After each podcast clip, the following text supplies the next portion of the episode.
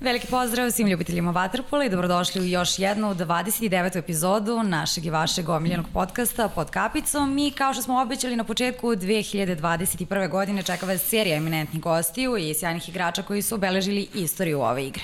Tako je i danas sa nama čovek koji je najtrofejniji srpski sportista, neko ko je prepunio svoju vitrinu medaljama sa najvažnijih svetskih i domaćih takmičenja i za njega ne treba neka posebna najava. Ja ću samo pa na početku reći da kada je u pitanju januar mesec pripremamo brojne iznenađenja.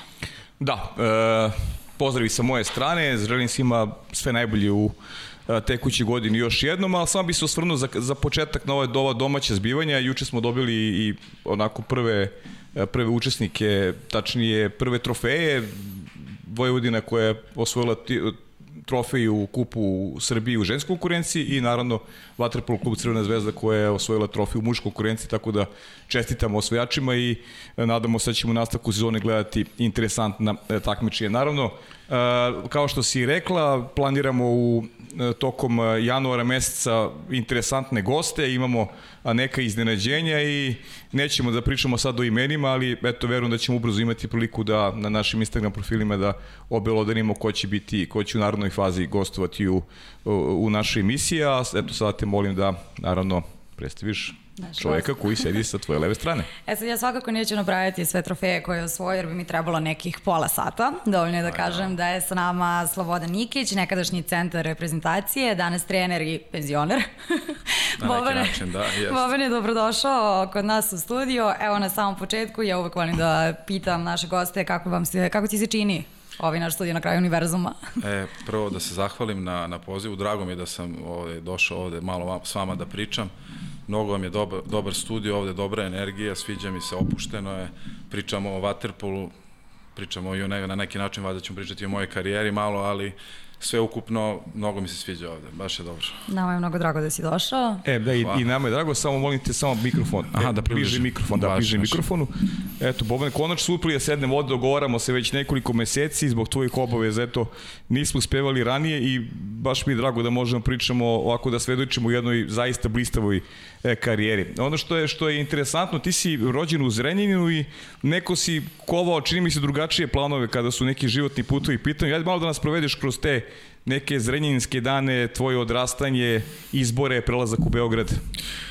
Pa, moji su se naseli još 70-ih u Zrenjanin, e, dobili su posao i igrom slučaja tamo sam se i rodio i na neki način počeo i da plivam kao kao sa 4-5 godina. Brat stariji mi je tad igrao za, za proleter iz Renjanina i nekako to mi je bila neka prvo razmišljanje kao stari burazer koji je 8 godina od mene stariji počeo da igra vaterpolo i onda sam ja rekao aj poče malo plivanje i onda smo se 89. preselili u Beograd, otac je dobio neki posao ovde u Beogradu i, i posle smo se naselili na banjicu bukvalno na 100 metara od bazena i to je na neki način bio znak. Počeo sam tamo da, da plivam malo bio sam malo onako uh, debeljuška, znaš ono, malo veći za glavu od svih. I tad je bio Pera i Mirko, ovaj, su me snimili tamo na bazenu, rekli, ej ti mali, kao, bi ti mogao malo na, na vaterpolo, znaš, ja rekao, ajde, znaš, kao dosadno ono, da, da plivaš samo gore dole, ja sam već tu plivao, nešto mlatio. I tako sam počeo lagano da, da, ovaj, da treniram vaterpolo na banjici. I to je igra slučaja da smo se baš naselili na banjicu na 100 metara, pitanje da sam da smo negde otišli dalje. Mm. e, da li bi se bavio vaterpolom i onda polako, pritom moram da, da kažem da sam igrao sve sportove, da to je tad bila kao neka vrsta droge kad vidiš loptu, odbojka, košarka, rukomet, za školu sam igrao za sve te sportove i mislim da je to sad veliki problem za ove mlade koji nemaju taj osjećaj prema generalno prema sportu. I ovaj, tako sam počeo da, da plivuckam, onda došao jedan trener, drugi trener, bio sam onako malo talentovan, sa loptom sam znao, Nisam bio baš najvredniji posle kroz karijeru, ali eto, uspeo sam da nadomestim nekim drugim stvarima i to je neki otprilike početak moj treniranja, plivanja, vaterpola i svega. Uh mhm. -huh. E za naši gledalci nama stalno šalju pitanja i za tebe je došlo toliko, pa evo ja ću iskoristiti samo da pitam da li je tačno da si se pre toga probao u košarci i da li je tačno da si sanjao da budeš zubar kao mali? E, znaš kako, ovaj, jeste, ovaj, po, išao sam neke treninge košarke, pošto tamo svi iz mog solitera z Banjole, su išli ovaj, na, na košarku ja sam otišao na neki par treninga, bilo nešto ladno, napolju smo trenirali i ja rekao, Ma ne znam, ajde idem na bazen, možda mi je to mi je nekako lakše i bolje. A to što se tiče zubara, ja sam ti zubar u pokušaju, mislim, ja završio zubotehničku školu, ali ne da ću se ikad baviti time. I malo sam se namučio kroz tu srednju školu zato što je onako specifična uh, škola. Ja sam ono već počeo dva puta dnevno da treniram, ušao u prvi tim Partizana. Tako to za zubara da ostavim po strani, ja kažem ti najiskrenije ovako. E sad, selitba u Beograd i lokacija življenja kao da je utemeljala teoriju u tvojoj glavi da je vaterpolo pravi izbor, kao što si sam rekao, ali ono što nas isto zanima, šta znači zgrada pet idiota? Pa pet idiota, čuvenih pet solitera, znaš, tamo smo odrasli. Ni dan danas mi nije jasno kako su naređali te zgrade, a bilo je mnogo više prostora, ali nekako mislim da taj način mog detinjstva, kako sam ja odrastao, ne znam, ne samo ja, i bilo nas je tu dosta sportista iz, iz kraja, tipa Žile, Fića, znaš, mislim da nas je to nekako de, definisalo posle kroz, kroz život, znaš, da se boriš, da budeš malo drugačiji, to ti je bilo sve, u, da se napraviš nešto u sportu iz te neke jedne sredine koja je, ovaj dan danas kad odem na Banjolu, ništa se tu nije mnogo promenilo, da budem iskrena, ali to je moj kvar gde sam odrastao i i jako volim, tamo mi Burazer živi i dalje, znaš, i uvek mi bude puno srce kad odem i znam, odak, uvek znam odakle sam počeo, koliko je bilo teško, koliko je bilo i ladna voda i vamo tamo i sve. I sad da se nadovežem, pošto sam trener neke dece, kad mi uskoču u bazen, bazen tamo u Budimpešti 26 i kažu da je ladno, ja rekao ja ne mogu, ja se iznerviram odmah u startu. Jer znam kroz šta sam ja prošao, a taj banjica kvart kao kvart je je takav da stvarno je bilo dosta sportova, naš, i košarkaša, i futbalera, i vaterpolista, i po neki plivač, i bio je tu i i Nole Đole, naš, koji je furo reket i mi ga gledali kao nekog vanzemaljca, naš, pošto smo svi igrali neke ove kolektivne da, sportove, da, da. naš. Šta radiš sa reketom? Kao? Jo, kao, kakvi ceni reketi, gde je ovaj krenuo, naš, kao, da. ajde bre, vamo na basket neke da igramo, naš, između pet idiota, naš. Da. Tako da, ono, mislim da, me, da nas je to, ovaj, nekako, da nam je to neki put bio, naš, da iz, iz te škole Bora Stanković, da smo svi, ono, išli, smo se bavili svim sportovima i onda smo se gurali na neki način. Znaš, imali smo i neke primere starijih, na primjer tu je meni Burazer moj, naš, ono, uvek je bio kao na neki, neki način kao primer, naš, kao on je tu stari iz, kva, iz kvarta, bavi se sportom, onda je tu bilo i starih nekih vaterpolista, bio Juga Vasović, ne znam, kad vidimo Dekija Savića, kao da smo videli naš, da je prošao avion, naš, bukvalno, onda se pojavljivali dača, ovaj, ona i, i to je taj neki, taj neki put iz tih malih mm, kvartova, Kanara, Ubrdo, Banjica, Rakovica, koji su krenuli se bave sportom, pogotovo vaterpolom i onda smo mi to pratili i nadam se da će se to nastaviti i dalje. Ne znam šta da kažem, da. Da. E, dobro, Burazir igra i dalje ovaj vaterpol. Ma igra, za, za, zaluđuju se, ali oni se dobro druže, pijeni somovi, igra već somovi, da. 15 godina oni to cepaju. Par sam puta ja bio tamo na na ovaj na trenizima s njima malo se zezam ono to je više kafana posle nego što se stvarno ovaj što stvarno igraju vaterpolo, a i par, mislim da je 2012. godina bilo, uh -huh. desilo se nekako za vreme Lond Londona, olimpijskih gara, da nismo ovaj, imali klub, dosta nas. I meni su tad pijani somovi ponudili 50 vrića mesečno i bus plus kart, karticu. I to je tvoj, ja mislim, tata objavio u novostima i to je bila senzacija, naš. I oni su, znaš, oni to, to me pričaju dan danas, a stvarno je bilo tako, znaš, nije bilo kluba, nije bilo ničega iz ne znam kome zvao ovaj, iz Somova Burazer, kaže evo ti 50 vrića i bus plus kao za početak imaš jednu ponudu, znaš. Tako da, ono, drago mi da, da pričam i o tim somovima, oni stvarno, redko ko se od njih bavio vaterpolom, a toliko su zaluđeni i ono, već 15 godina igraju 3-4 puta nedeljno, proputovali su pola Evrope.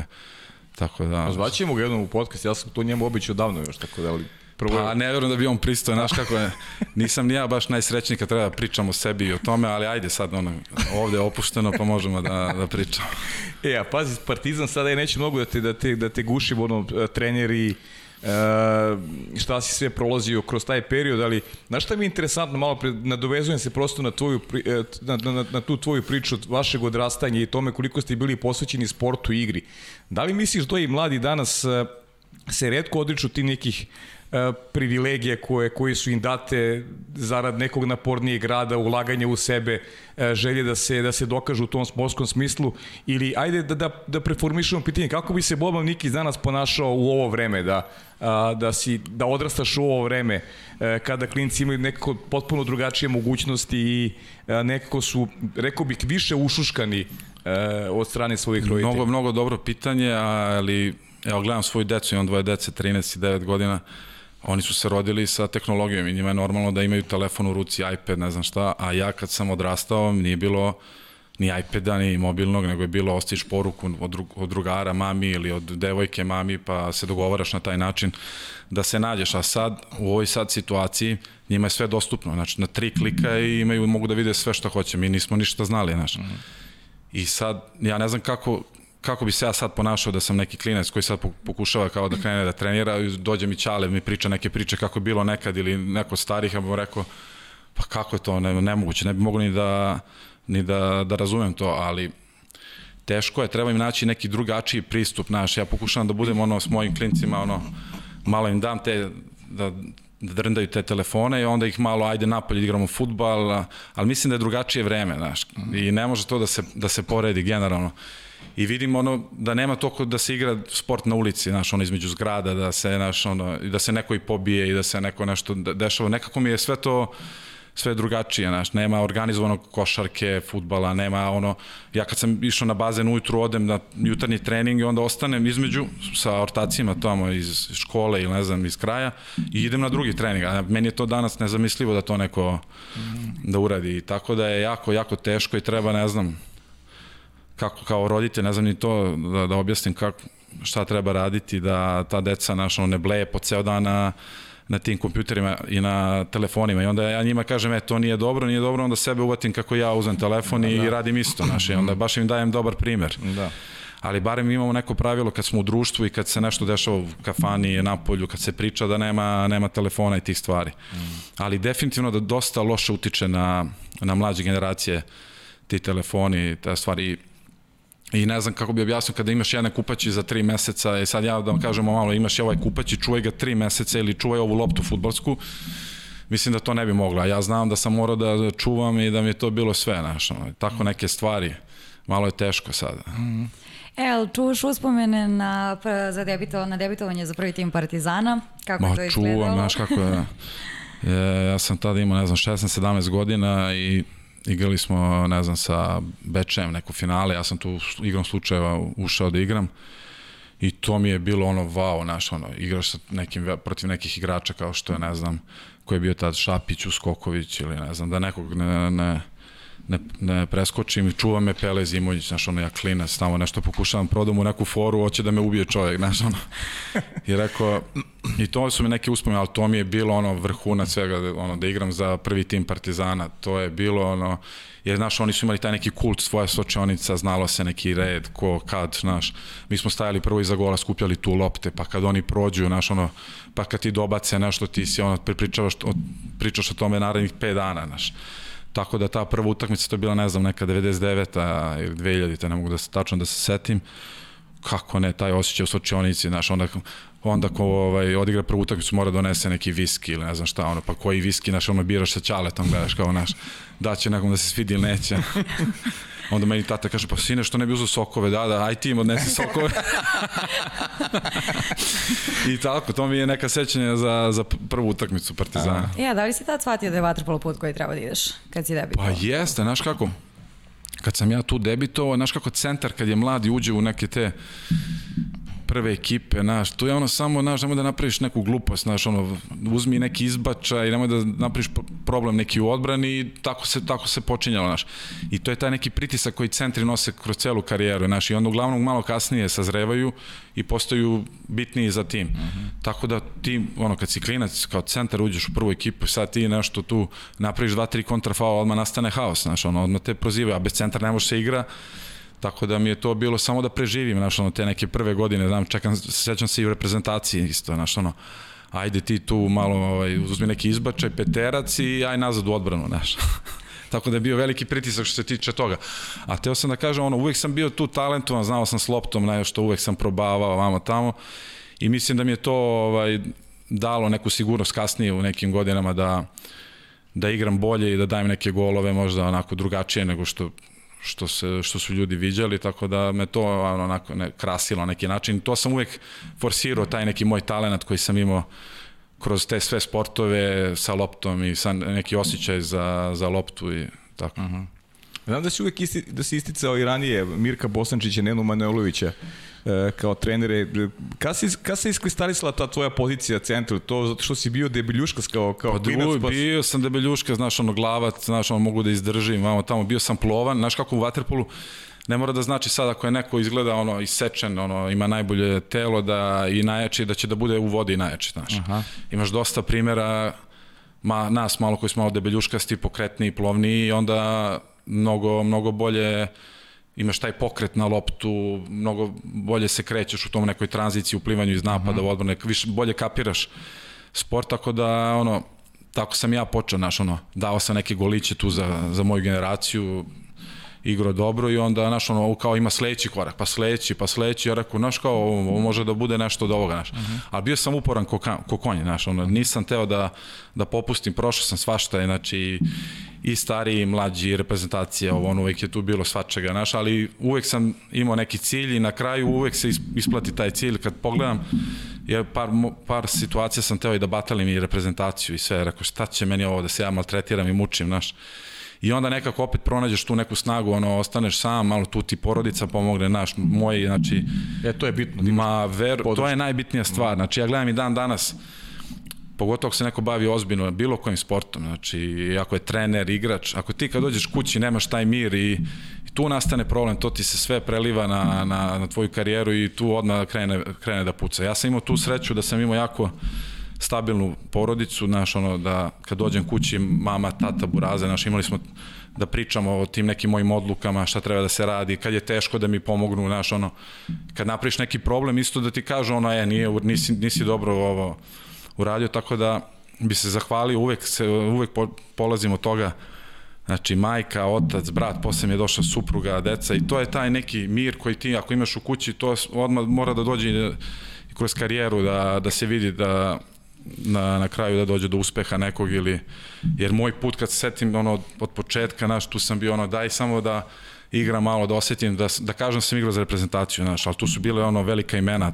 kad sam ja tu ušao u reprezentaciju, sve ono, naš, najbolji na svojim pozicijama, I onda, znaš, ono, promenjalo se, menjalo se, menjalo se i došlo je neki, na neki način mojih 5 minuta i moje generacije tih zadnjih 4-5 godina kad se sve poklopilo i kad smo izominirali, znaš. I vidiš na kraju, nekad je taj put težak i treba da čekaš, ali se isplati na kraju. Mm -hmm. Ja, pričat ćemo teko reprezentacije te zadržimo malo još Može. na Partizanu. Za pet godina osvojio si prvenstvo i kup Srbije i da li ti je osvajanje evropske titule sa Partizanom ostala jedina neostvarena želja? Da ti kažem, jeste iskreno, ali ove, ja sam tad osvojili smo te, ne znam, neke duple krune, uh mhm. -huh. igrali, ne znam, polufinale, kupa Leni, ne znam šta. Jako mi je krivo to što nisam s Partizanom osvojio, ja sam bio par puta blizu da da dođem da potpišem ugovor, ali tu se stalno nešto dešavalo, znaš, gde su došli neki drugi igrači, da li je budžet, nije, da li je stvarno I ja sam bio uvek u fazonu, ono, ako me stvarno želiš, ono, zovi me, a nemoj tu da mi, naš, da mi igraš neke mm. igre, hoćemo, nećemo, pa te ne zovu, vamo, tamo i tako se to izdešavalo. I ovaj, nekako sam, uvek mi je bilo lakše da gradim karijeru van, van Srbije što tiče tih klubova, jer ovde je sve mnogo napeto, svi su pitanje života i smrti, te utakmice, onda, onda ulaziš u, neke konflikte sa ljudima koji su ti dragi zarad tu nekog kupa Srbije ili ne kažem, sve je to bitno, ali na kraju krajeva prođe to nije, nije to najbitnije u životu ko će da osvoji prvenstvo ili kup u Srbiji na kraju kraja. A tako se ovde sve postavlja. -hmm. Imao sam priliku juče da gledam, to su pritisci sudije, ko će da sudi, ko neće, da li sme ovaj, da li igra onaj. I nekako sam uvek išao sa strane, nisam teo ja da ulazim u te neke priče i uvek sam se sklanjao i rekao bolje ja idem u inostranstvo, imam neki svoj mir, kad dođe ta reprezentacija budem ono najmotivisaniji, naj, najsrećniji, dođem u nekoj ulozi pogotovo iz zadnjih godina kao stari igrač da pokušam da što bi, što bi se reklo da gasim požar i sa žiletom i ne znam ovaj, s kim još. I to je neki bio moj put jer stvarno ovde mislim da se stalno nešto potencijera taj neki lični sukob ko šta, ko je bolji, ko je ne znam šta rekao, ti si meni ovo rekao, a u stvari mi smo jedan mali sport jako uspešan i treba nekako da se držimo svi zajedno i da gledamo interese našeg sporta svi zajedno, a ne da gledamo da li je danas dobio Zvezda, Partizan, Radnički ili ne znam ko već. Znaš. Uh -huh, uh -huh. E, to je neki to je ono što ja onako osjećam, znaš, on intimno, ali vidim da, da niko to ne prati, niko se ne ponaša tako. Ali mi smo takvi u svim sferama društva, tako da... Jeste, ali meni to onako malo sport, mi pogotovo pitanje života i smrti generalno. Ali to nije normalno, znaš. Ali ja nije. mislim da je to ima dosta povezano sa standardom života ekonomijom, znaš. Ako bi se malo tu digla ekonomija i kad bi malo bilo više love, roditelji da plaćaju te treninge i to, bilo bi malo drugačije. Ovako, naš, ovaj dobio više para, ovaj dobio manje para, nema para, onda ko će da preživi, ko će da se snađe, ko neće, pa ko će da osvoji, znaš, baš je bez veze. Mm.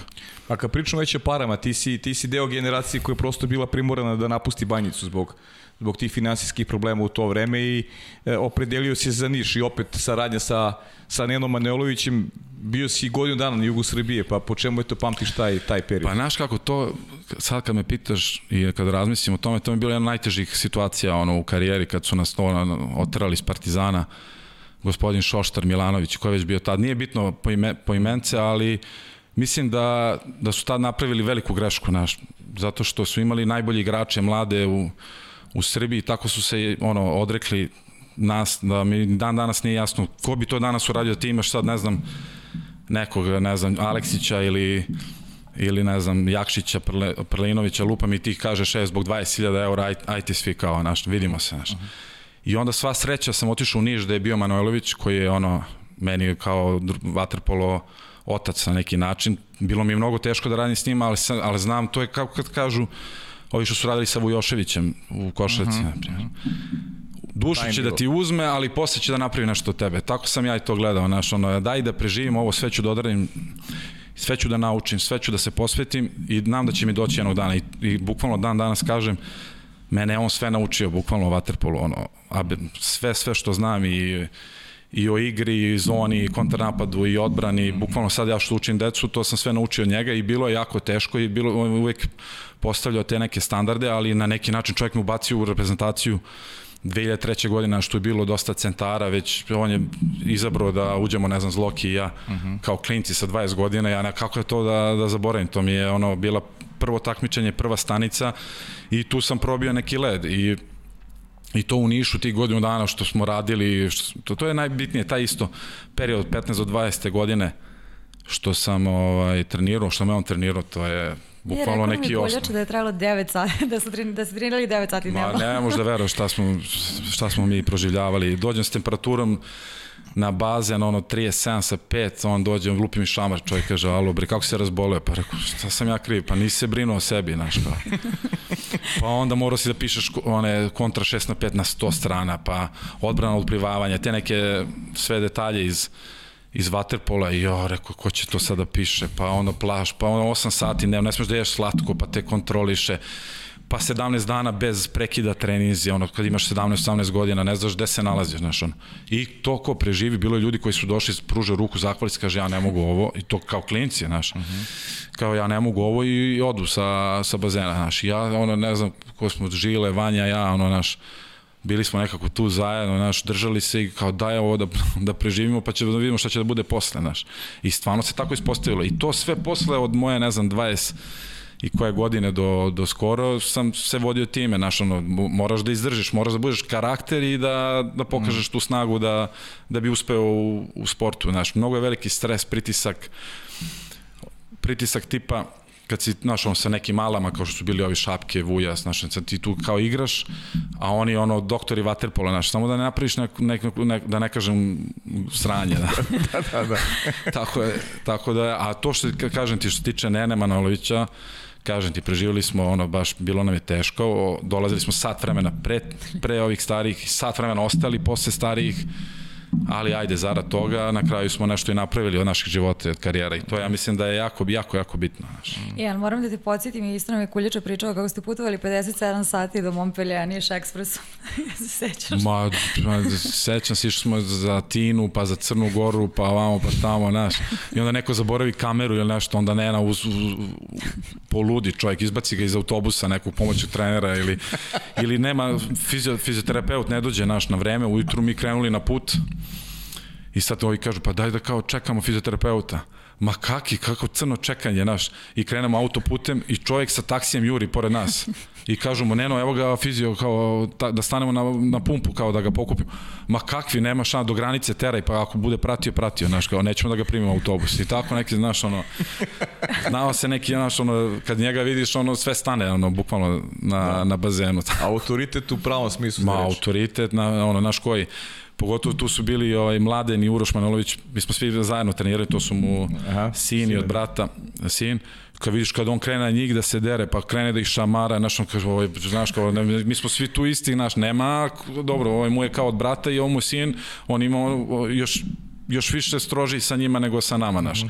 Takav je čovjek bio, naš, nema, nema pardona uopšte. Mm. E, sad si iz Niša otišao u Herceg Novi, Jadran je formirao jako dobru ekipu, osvojili ste duplu krunu, pa da li je suvišno ti pitan kako si se proveo u Herceg Novi? Ostao si tamo godinu dana.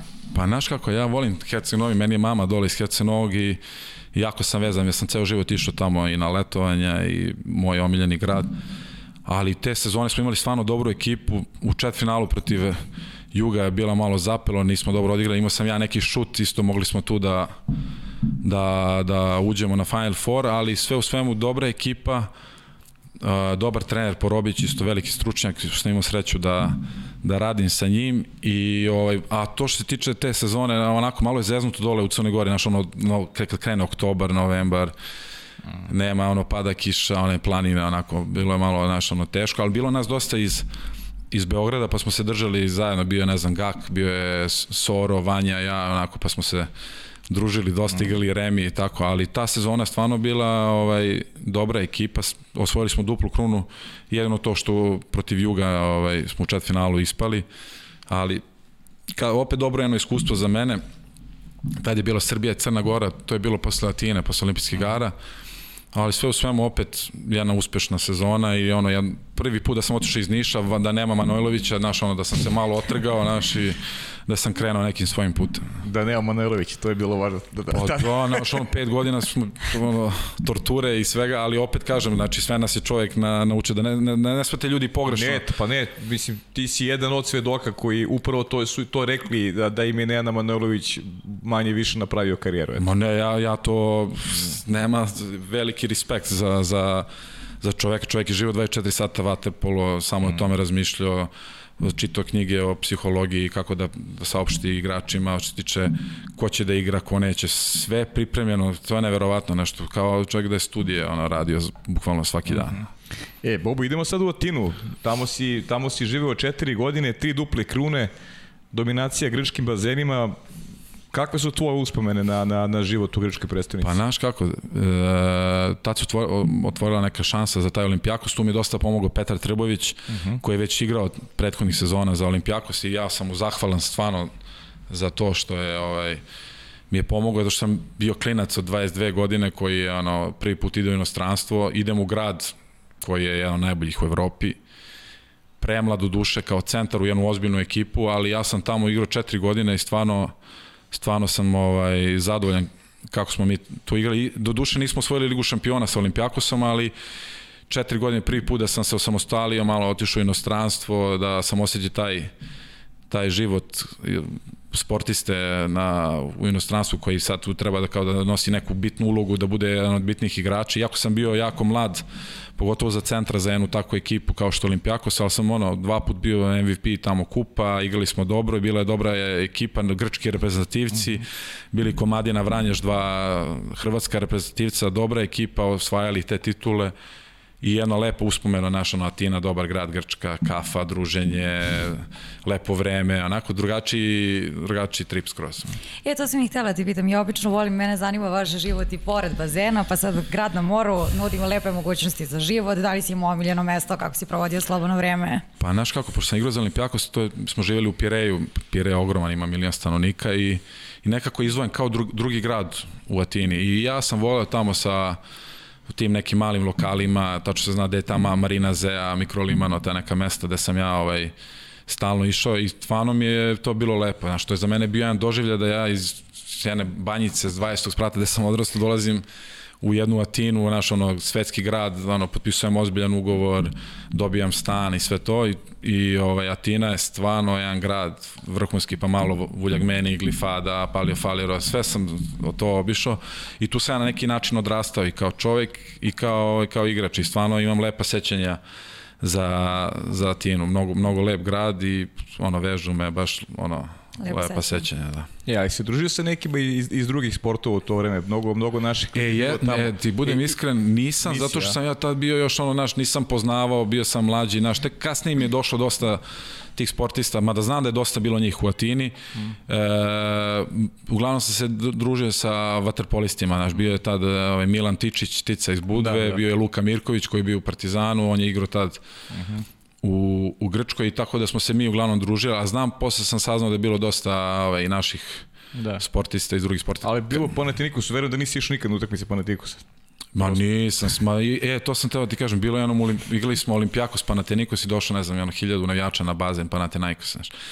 I ovaj naš goma se napravi pametan, krene nešto da proziva navijače, ovi preskoče one tribine, razbiju teretanu, polupaju menadžera, našeg trenera, znači haos, došla policija, helikopteri, ono, jedva smo za živu glavu spasili. Ja lepo stao sa, ne znam, još nas 5-6 na sredinu bazena, pa aj nek uskaču u bazen da vidimo šta će se desiti onda. To je najsigurnije, znaš.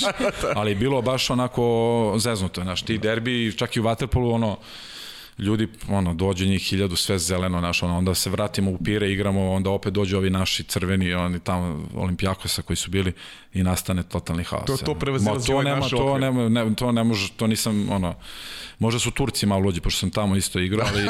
Pričat ćemo to. Da, ali ovo Grci, ta strast, ta, ono, kad, kad vide, ne znam, crveni kad vide zeleno, zeleni kad vide crveno, onda odeš u solo, ono, tamo kad vide crveno, ispao kao oni tek pobesne, znaš. Da. I odeš na neku vaterpolu utakmicu, pljujete njih sto tamo na bazenu, rekao da je ovo moguće, znaš, da.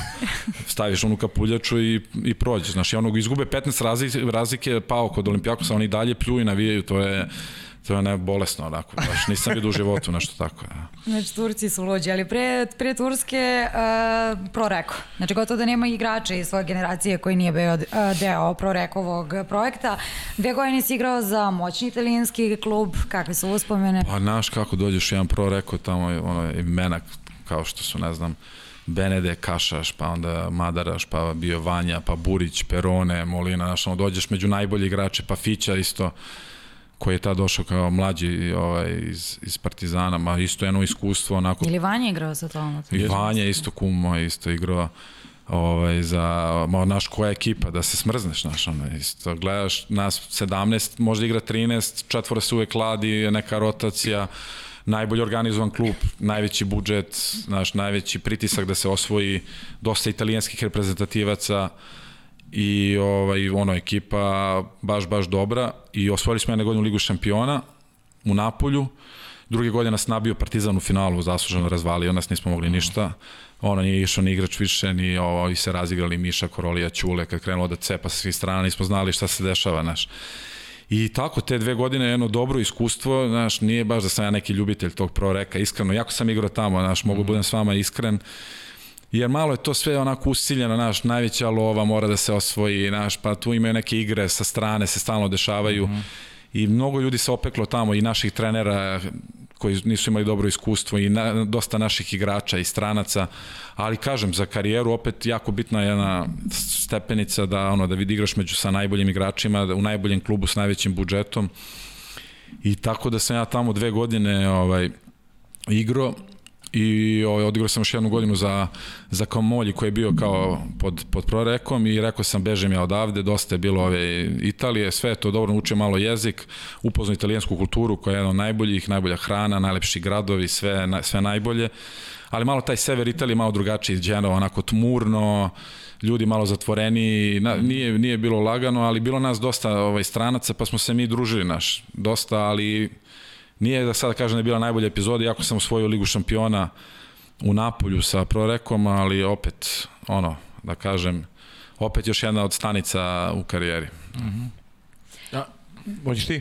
Pa nije, tada sam da pitam, da, pomenuo si iz Proreka da si odiš u Kamolji, odlazak na Siciliju, mene više zanima život na Siciliji. E, Kamolje je isto pored Dženove, nema veze, da. tako da. da, ali to ti je sve, bio sam dosta puta i na Siciliji, ma Sicilija prelepa, bio sam ovako i, uh mhm. -huh i privatno, ali ovaj, Italija, kažem opet, ono, celu sm, sam prošao i proputovao i i mnogo je, mnogo je lepo, ali sam nekako jedva čekao da, da, da bežim od... taj, taj mirniji način života ti nije baš ovaj... Pa nije mir, nego meni, da ti budem iskren, kad sta, stalno dešava nešto u, u sklopu ekipe, ugovori, da će se osvojiti, to, neće se treneri, ne, onako, nije ta atmosfera da se ti tu osjetiš opušteno i, opušteno i prijatno i da dođe do izražaja taj neki tvoj kvalitet, ako, kako se uklopiš u ekipu. Mm -hmm. Mada sam imao trenera, to je jedan od boljih trenera koji je trenirao Pino Porcio, koji je jedan gospodin italijan iz Napulja, legenda isto njihovog mm -hmm. Waterpola, koji je to držao pod kontrolom na neki način, iako je tu bilo ono, jako teško, taka imena na jednom mestu držati zajedno da imaju zajednički interes. Mm -hmm. E, onda idemo u Tursku, ajde, bežimo onda iz Italije u Tursku. E, velika promena, proveo si opet tamo četiri godine, ok, Galatasaray bio dominantan. Ka, zašto, kako se dogodilo uopšte da odeš u... Da odeš u pa znaš kako, o, tad je bilo zeznuto, o, nije bilo kluba, to je bio London 2012. Uh -huh. nas, nas, nas dosta je bilo bez kluba. I onda se ovde pojavila neka priča zvezda, radnički, znaš, ko će, znaš, ko, od naših igrača. I opet se tu desile neke radnje koje su se meni nisu svidele, znaš, ko gde, šta, budžeti, ne budžeti, krenuli da se, svi da se protive jedni drugima, ko će da ide gde u koji klub. I meni se tad dobijem tu ponudu za taj Galatasaray, odem u Istanbul na pregovaranje, rekao idem ja tamo da se ovaj da se sklonimo opet od ovih priča. Naš dođe septembar mesec, nemaš klub, onako malo je nezgodna situacija, znaš. Uh -huh. I meni je stvarno došao ta Istanbul kao kec na 10, znaš. Uh -huh i tamo sam pronašao neki mir, stvojila se jedna dobra ekipa, nas 5-6 stranaca tu bilo, e, sa, sa dobrim trenerom, počeli malo da treniram i tad mislim da sam dao najbolje godine za reprezentaciju to od Londona. I London mislim da sam dobro odigrao sve do, do Rija, te četiri godine, te dva put na olimpijskim igrama i mislim da je to jedan razlog što sam imao tu neku mirnoću, što sam tamo u Istanbulu nisam bio na udaru toliko uh -huh. što se tiče praćenja ko šta, kako. Opet došli smo u osam najboljih ekipa sa Galatasarom, to je veliki uspeh. Dobijali smo jedan Partizan, tad koji je bio jak, dobijali smo Sintez, onako jedna fina ekipa, a sa Enkom smo igrali finale, Enka je tamo uh -huh. drugi dominantan klub koji su bili sa Hinićem i sa još nekim hrvatskim reprezentativcima. I kažem ti, to mi se nije svidelo te priče, ono, Zvezda, Radnički, Partizan, naš, I da ti budem iskren, nije mi bilo baš ni drago da se vraćam u Zvezdu, naš, definitivno, ja sam veliki partizanovac i to nisam nikad krio, mogu ovde isto da, da kažem i, i poklopim mi se sa tim Galatasarajem, odem tamo i mislim da mi to bio najbolji potez koji sam napravio u karijeri tog momenta. Uh. -huh. E sad, kakve je uspomene nosiš iz Istanbula? Kako si se našao u onoj gužvi? Da li si uopšte upozao ceo grad? e, Istanbul je stvarno jedan specijalan grad, ili ga voliš ili ne, ima dosta ljudi kojima se ne svidi, ali mislim da dosta ljudi imaju predrasude i prema turskom narodu i prema Istanbulu, ali ja sam stvarno tamo uživao, živao sam u azijskom delu na blizu mora i jedno lepo, lepo baš iskustvo, napravljen je bio novi bazen, uh, uslovi su bili izvared, izvaredni, a pritom Istanbul je stvarno 16 miliona ljudi, ne znam koliko, 20 miliona registrovanih automobila, haos, da kreneš jednog kraja na grad, na drugi treba ti sat i po vremena i to, ali sam tamo se nekako pronašao, živio sam u tom malom kvartu blizu Fenerbahče, jako je Galatasaray, uh, Vatrbo klub, oni su im bukvalno ukvar, ukrali to parče zemlje Galatasaray, zato mm -hmm. tako je mhm. nastao bazen, znači imaš u zastavu Fenerbahče, zastava Galatasaraja i onda su ovi iz Fenera pokušavali da im nude na stotine miliona eura samo da kupe to, da vrate to parče zemlje, ovi iz Galatasaraja nisu dali. I tako da, da Vatrbo klub Galatasaray u sred Fenerbahče na ono, gde je taj glavni svetionik gde baš po tome prepoznate Fenerbahče, neverovatno. I bukvalno su dve zastave i onda kad se igra derbi skidaju se zastave, penju se na 30 metara gore i onda kradu jedni drugima, hoće da ruše tamo isto, isto. Neverovatno, majke. Tako da, mi je bio tamo lep život, tamo sam upoznao i dosta nekih naših sportista, evo sada pomenem Ivana Miljkovića, našeg najboljeg odbojkaša ikada i legendu i jednog velikog cara, dobrog tipa, tipa ne, ne znam Nemanja Bjelica koji je igrao isto za Fenerbahče, Miljković isto igrao za Fenerbahče i tako da smo se družili i porodično i bilo je, bilo je stvarno dobro i da i ja da nešto naučim od njih, da vidim, pošto su to isto Ivan pogotovo jedna legenda i jedan sportista mm -hmm. i dobar tip i Bjelica koji je tada ono već igrao najbolju košarku svoje karijere u, kao MVP u Fenerbahčeju i već se ostvarivo mnogo, tako da mi to, sve me to nekako veže i to su mi lepa sećanja na, na, na Istanbul generalno. Mm -hmm. Turska je dosta ulagala u to vreme u Waterpolo, ali očigledno nisu istrajali, ili nisu dovoljno prosto talentovani oni kao Pa nisu dovoljno talentovani, znaš, ono, to se sve više svodilo na neke strance, znaš, mi smo tu držali od trenera, pa nadalje smo držali, vodili glavnu reč i to je potrajalo tih 4-5 godina i evo, a dobro, mada je ovaj drugi klub Enka i dalje ulaže, ali Galatasaray je, znaš kako je kod njih, na svake dve godine se menja uprava naš. Aha. I onda se desi da dođe jedna uprava, oni hoće da daju pare za vaterpolo, onda ovi dođe druga uprava, onda oni neće, pa su jedni protiv drugih, isto ono tipično uh, balkanski naš, ono, da.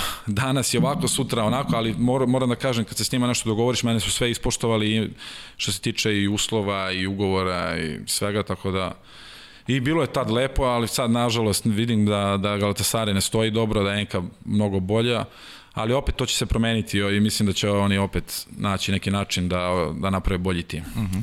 E sad posle Istanbula ide Budimpešta, ali si ispostavilo da je to bila samo prolazna stanica do Ferenc Varoša? Jeste, znaš kako je, meni bilo ono, u Istanbulu su krenuli ti teroristički napadi, haos, znaš, ja dvoje male dece, deca mi iz škole ide ja prati na GPS-u kad će da dođu, čuvaju s oružjem e, školu, na ulici, onako haos bio def, ono, generalno i shvatio sam da je moment da, da se sklonim, iako mi je bilo lepo i sve i vidio sam da tad pitan da će biti ista ekipa, neće, znaš, onda i on rekao pa ajde, znaš, da vidimo da odemo negde drugde, znaš, ja s porodicom, ono, sam sa ženom pričao i desi se taj OSC da mi do, neku finu ponudu pošalju i ja rekao, pa idemo u Budimpešu, šta ima veze, znaš, ono, tamo je najbolji vaterpolo, ali ono, otišao sam bez sad nekog razmišljanja, sad tamo, mhm. tamo ću da napravim, ne znam šta, jer sam osvojio to olimpijsko zlato u Riju i trebalo mi kao, ja sam bio u fazonu sad malo lagano, kao, znaš, šta ja, a u stvari došao tamo najjači vaterpolo na svetu, najbolje ekipe, najveći isto budžeti, vaterpolo otišao na neki visoki nivo, ja rekao, gde sam došao, znaš, ovo sad treba i ovde da se zapne, naravno, kad si stranac, pogotovo centar, ti moraš da,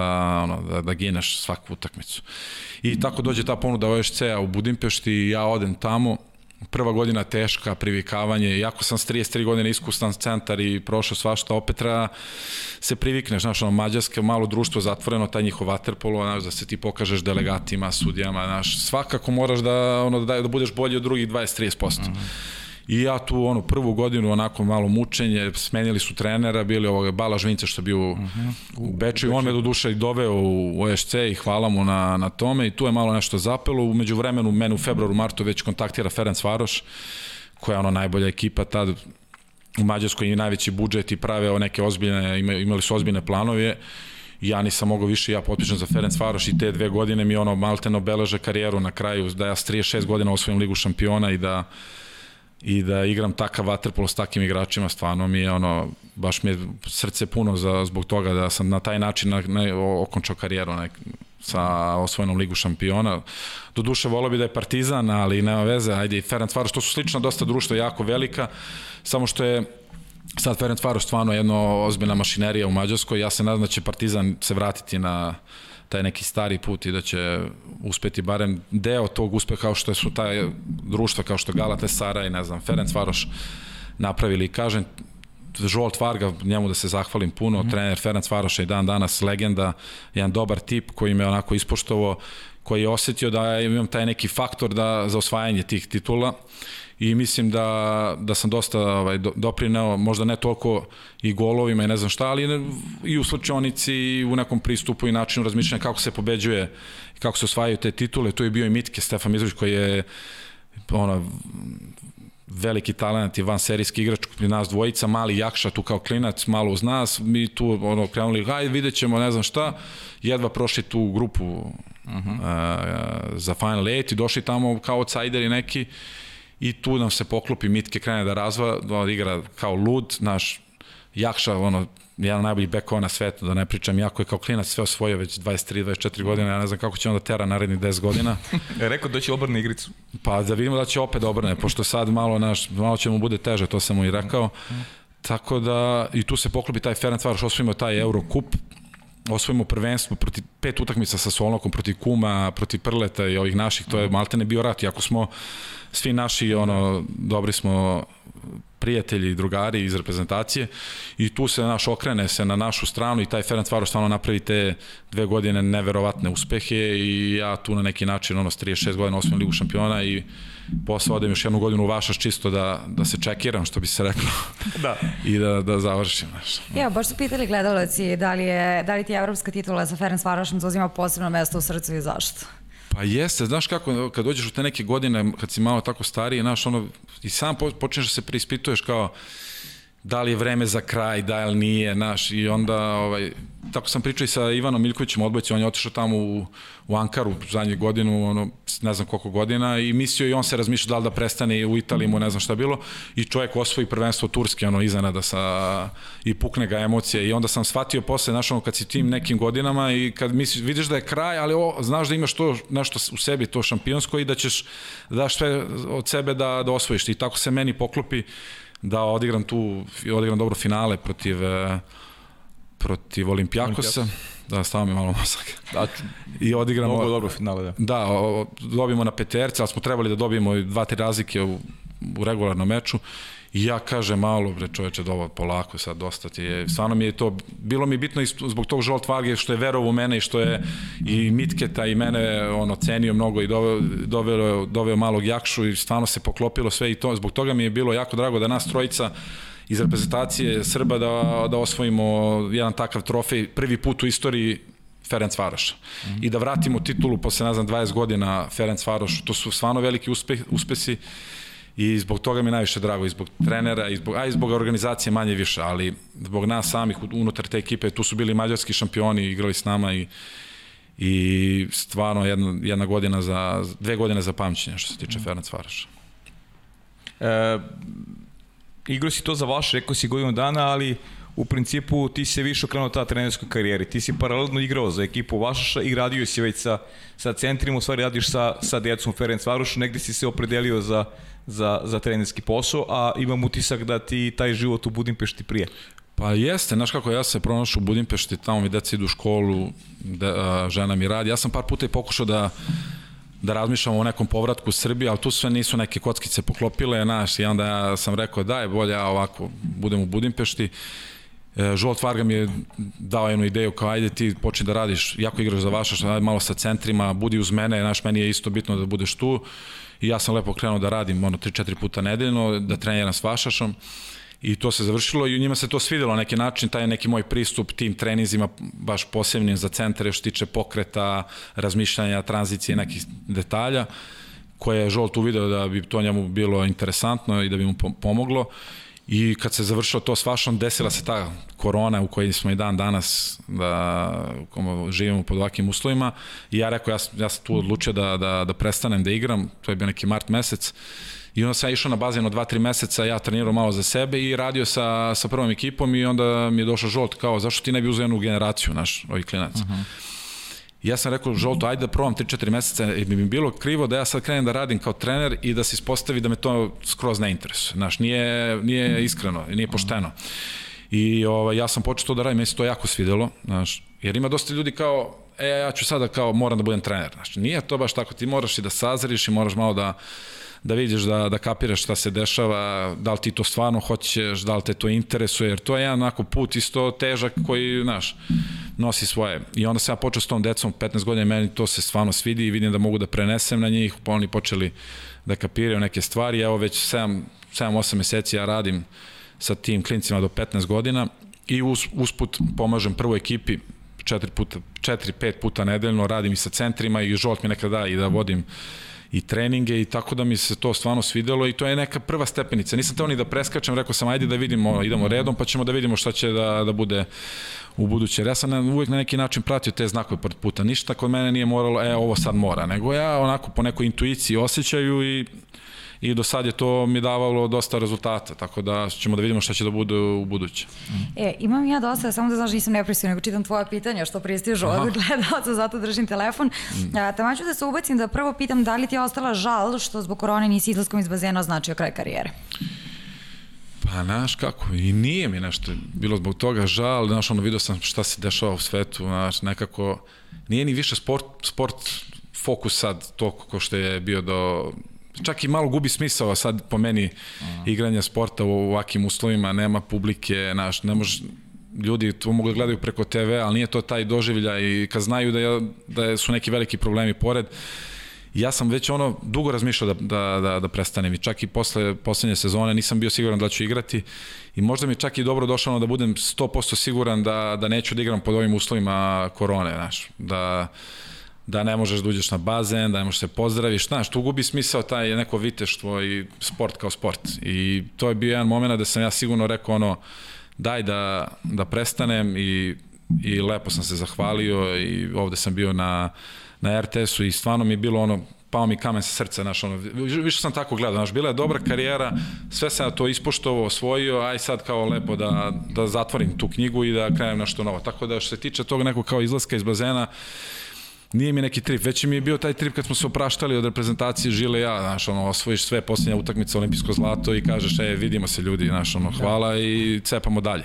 A ovo sad, ono, čak i posle tog opraštanja po serija, ja sam rekao ono, naš, ja više ne moram ni da vaterpolo, bukvalno, ali onda se desila ta mađarska osvajanja, opet kad te ubace u neki film, ti ćeš opet da se snađeš i da gledaš da pobediš, jer tako smo naučeni, naš. I onda na kraju rekao, kako bre, ona kao oproštena utakmica, dosta mi je ovo bilo, naš, za mene, rekao, ajde, da završam ovo. e, još jedno pitanje gledalaca, da li je nedostatak motiva bio razlog da se odlučiš da završiš igračku karijeru i koliko ti je bilo teško da odlučiš? Pa je, znaš kako, više mi je bilo preko glave da mi skaču po glavi, boli me vrat, rame, teretana kao dođeš ujutru pa sat i po vremena, ono, vidiš da, da to jednostavno nije to, ne, ne mogu, kao ajde sad, moraš da zapneš da plivaš, pa ti baci neki kettlebell, pa ti tu udri, plivaj, ono 36 godina, 37, i pa onda staneš ja moj razmišljaš, pa je dosta je bre bilo, alo, bre, aj čoveče, aj malo kući, malo da iskuliraš. Na, I onda sam tako došao kući, ja, žena me gleda kao, alo, šta ti je, ma rekao, bre, ne mogu više, više mi je, ono, preko glave svega, znaš, ono kao, ono kao smiri se, znaš, ono, a svi mi kao igre dokle god možeš. Kod mene je bio drugačiji trip, ja sam ono razmišljao, daj bre da završim, dosta sam bre 20 godina sam tu, su mi skakali po glavi, ono, zarade ekipe, aj osvoji ovo, igraj tamo, javi, ono, sve živo, tako da sam ja bio u fazonu dosta, ne mogu više, znaš, ono, smučilo mi se bilo. I najiskrenije ovo pričam, ako, bez... Uvijenja. Pa je, mogu ja još dva pitanja naša Aleksandra Milošević? Pre ovog, ajde pre prestacije, ajde može. A, da, zato što krenuo je stopama a, svog kuma i postao trener. Savjetovali se sa Živkom, član je stručnog štaba senjorske ekipe, pa kako je raditi sa Vargom koji je 2019. proglašen za najboljeg svetskog trenera? Ma, on je stvarno jedan tip koji nosi posebnu energiju, koji je bukvalno živi za taj vaterpolo i jedan dobar čovek koji se meni našao i zajedno smo napravili ozbiljne uspehe i kako ja dosta učim, ja idem sad ono učim iz početka bukvalno sve o vaterpolu kako se on mi onda priča o psihologiji, odnosu sa igračima, kad imaš neke zvezde u ekipi, kako treba odreagovati, tako da dosta, dosta učimo njega i on neki put pita mene isto za savet, a što tiče Kumare, Žile, on je tamo isto, znači u Solnoku razbija, ono, živi 24 sata vaterpolo, neki put kada ga vidim, znaš, ono, kažem, Kumara, vrate, šta je ovo, znaš, kao, ćemo da, da poludimo od ovog posla svi ovde, znaš, stvarno intenzivno, Solnog, veliki budžet, dobra ekipa, ali on to cepa i, ono, i iskren je i voli taj vaterpolo i i drži taj Solnok i on je napravio na neki način od tog Solnoka jednu ekipu, on je došao prvi tamo kad nije bilo ništa, on je dovodio naše igrače, bukvalno vodio ceo taj klub dok je bio i kao igrač, tako da njemu kapa dole i ne, ne, nema tu mnogo, mnogo priče, naš, i, ovaj, i 10 go, 9 godina je bio tu i Solnoku i dalje i bori se i dovodi naše igrače i uči te naše igrače i, i vi ljudi ne možete verujete kakav on ima status u tom Solnoku ili u mađarskom vaterpolu, to ne, ne može da se, da se opiše to je onako jedan poseban primer sportiste, trenera i čoveka. Eto, ne znam šta, jako mi je kum sad, znaš, on gleda kao vidi ovaj šta priča ovaj, kao, da, znaš, kao, ali stvarno je tako. I pričaš, upravo pričaš ono što i mi znamo, tako da... Pa. I upravo je Varga učestvovao u izboru najbolje postave u poslednjih 20 godina, a u njegovu idealnu postavu uvrstio je Nikića Vujasinovića. Kako se osjeća tim povodom? Pa znaš kako, sam pomislio, znaš, kao sad će da kaže ovaj ovo stavio ovog Nikića svog, znaš, ono, pošto su dobri, ali ja pravo ti kažem nisam ni, ni pričao o, o tome sa njim, on tako čovjek osetio pa je ovaj, tako mislio, a kako da mi ne bude drago, toliko centara. I on je čovjek bio centar levoruki mhm. je razbijao da me stavi u tu postavu. Malo sam to pratio nešto neko mi nekad pošalja neku poruku i to. Drago mi znači da sam ne, da sam nešto da je vredilo to što sam 20 godina gulio znaš. I kako ne sa takim imenima ne znam kad pomeneš Vuja sam a da ja dosta vidim da tu nisu stavili, niko nije pomenuo, na primjer, Šefika kao najbolji golmana ili da. Vanju da. kao najboljeg beka, naš, Udovičića, znaš, to je isto, sve je pitanje kako to gleda neki trener, da kako on intimno osjeća kojem, komu je najbolji. Ja sad bi mogo da napravim ovde možda najbolju postavu, ne bi se poglopilo ni sa kim tu, ali tako da, ali mi je drago zato što znam da je on čovek ispravan, ono pravi najbolji trener na svetu, ono osvojio sve i napravio tog Ferenc Varoša giganta, tako da mi je onako puno srce što tiče njega i njegovog izbora. Ja, ja sam završila za sada sa pitanjima gledalaca, imamo još jedno pitanje za tebe, pa onda da pređemo na prezentaciju. E, Pablo, ali ono, ali ono duže pitanje. Ne znam da li sam ti to rekao. Sad ćemo da vidimo. Znači, ono što sam poslao sinoć. To. Pozdrav svim u studiju, pozdrav svim ljubiteljima Waterpola i gledalcima podcasta Pod kapicom. Pitanja za Bobija a ima ih dva. Prvo je od svih njegovih saigrača iz inostranstva s kojima je igrao, znači na računa se računaju se domaći klubovi i domaća reprezentacija, nego svi njegovi saigrači iz inostranstva, kad bi mogo da izabere idealnih šest igrača s kojima bi on činio prvu postavu, po njegovom, naravno, utisku i iz njegove karijere. I drugo pitanje je znatno ozbiljnije, a to je da li uspeo da kao trener implementira ovaj, svoj čuveni šut ždrnju i da li su Mađari to prihvatili. Pozdrav. Hajde, ajde, mogu da, ovo drugo pitanje, pošto je, ajde, sad, uh mhm. -huh. mi je lakše zato što sam baš skoro s Mađarima pokazivao te neke šuteve, ždrnje, ja stalno sam izmišljao te neke šuteve uh mhm. -huh. sa dva metra i to se svidi, svidelo Mađarima, oni su jako talentovani za vaterpolu, uvijek vole da vide nešto drugačije, čak i kad sam dao taj nogo, go nogom na oproštaju, to uh -huh. i dan danas pričaju o tome i ne znam koliko je bilo pregleda tamo uh -huh. u Mađarskoj, a sviđaju im se ti glupi šutevi moji naši, onda ima Kawasaki kad bacim ovako, pa ovako, pa onako, ali to je ta neka igra sa loptom, to što ja uvek kažem i toj deci koje treniraju i igraju bilo koji sport. Ti moraš da voliš tu loptu u bilo, bilo kom sportu i moraš da stalno probaš od zid kući od zid, ja sina mogu se legnem i od zid cepamo ili napriš od čarape loptu, pa nešto i i to je taj neki kao zglob koji ti mhm. vežbaš mm -hmm. i na kraju daš neki go, odbije se neka lopta, ti je pokupiš i on kažeš oh, šta se desilo, znaš, kao, a to je u stvari 10 godina, 15 kad ti to stalno vežbaš i onda ti se upali lampica kad treba i ti, ti ga daš, što tiče tih ždrnja, ja sam uvijek izmišljao da ovo je neka glupa imena tim šutevima i znam šta ovaj, Miša Korolje tačno, tačno pita, a što se tiče igrača s kojima sam ovaj, igrao u inostranstvu koji su ono najbolji jako teško, ali evo probaću da da, da napravim neki ovaj, ajde da kažem desno, znači Fića, ono, car Waterpola, da ne pričamo o tome i ono, komšija z Banjole, moj klinja mali, moj naš ono, car, ono, leva ruka, konstantan 15 godina, ono, od kad je počeo da igra, ja ne znam, takav igrač postoji, a Jer rekao da mogu i naši igrači, da mogu, naravno. Da, da, da, da, da. da. Fića ovamo, Dodo bi tu, ajde, da kažem, Benedeka, koji je ono jedan monstrum bio, ono treniz, trenizi, uspeh, samo da napravi sve, bio, sve je bilo posvećeno sportu i karijeri, mhm. stvarno jedan tip neverovatan, ne znam da sam upoznao uopšte takve ljude u životu kao što je on. Mogu da kažem da je Vujas bio, da je Vujas takav fanatik slično za, mhm. -huh. za, za vaterpolo. I tu bi, ajde, stavio bi na beka Vanju koji je čovjek leteo po bazenu, bukvalno te 3-4 godine što je on igrao ili 5, to ja mislim da nije viđeno nikad, znaš. Uh mhm. -huh. Stvarno je bio neverovatan, znaš. Malo mi krivo što se nije dostvario do kraja da, da osvoji to olimpijsko zlato, a to je igra slučajeva što se, što se oprostio i što je ušao neki drugi život. On je isto bio lider, car, ono, jedan od najboljih igrača ikada ove igre.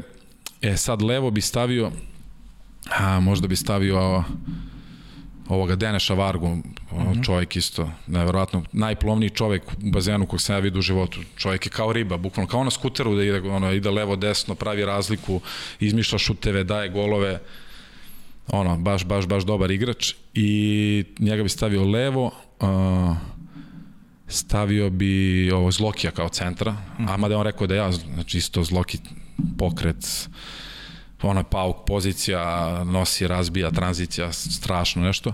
I sad možda bi stavio levo Peronea, Molinu ili tako, tako nekog igrača, a na, na golu bi stavio daj, možda taj Tempesti, Tempesti koji je isto legenda njihova mm -hmm. italijanska, a i ovaj mali Fogel je ovo zadnje vreme Mađar, mm -hmm. Mađar koji je odigrao to kad smo svojili ligu šampiona branio kao lud. A to njih, među njih dvojice otprilike ne mogu baš tačno da gađam, ali, mm -hmm. ali dobra pitanja od Miše Koroli. Da. Pozdrav za, za Mišu.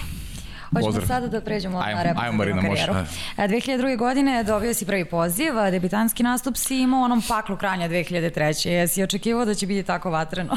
Ma de, ona je bila kao, naš, ajde kao... Moralo je tako da krene, vatreno. Ma, idi, mi tamo 2003. godine kranje, ono, kakva naša reprezentacija Ćira, Trbojević, ne znam, Šefik na golu, Šapke, Dačej Kodinović, znaš, ono, meni to bio san snova da uđem da igram s takim igračima, mada je bio tu i Jelenić kao centar, Zloki i ja smo bili drugi, treći centar, ma, show program, ono, dođeš na tamo u kranj, finale sa Hrvatskom, došli tamo ovi navijači iz e,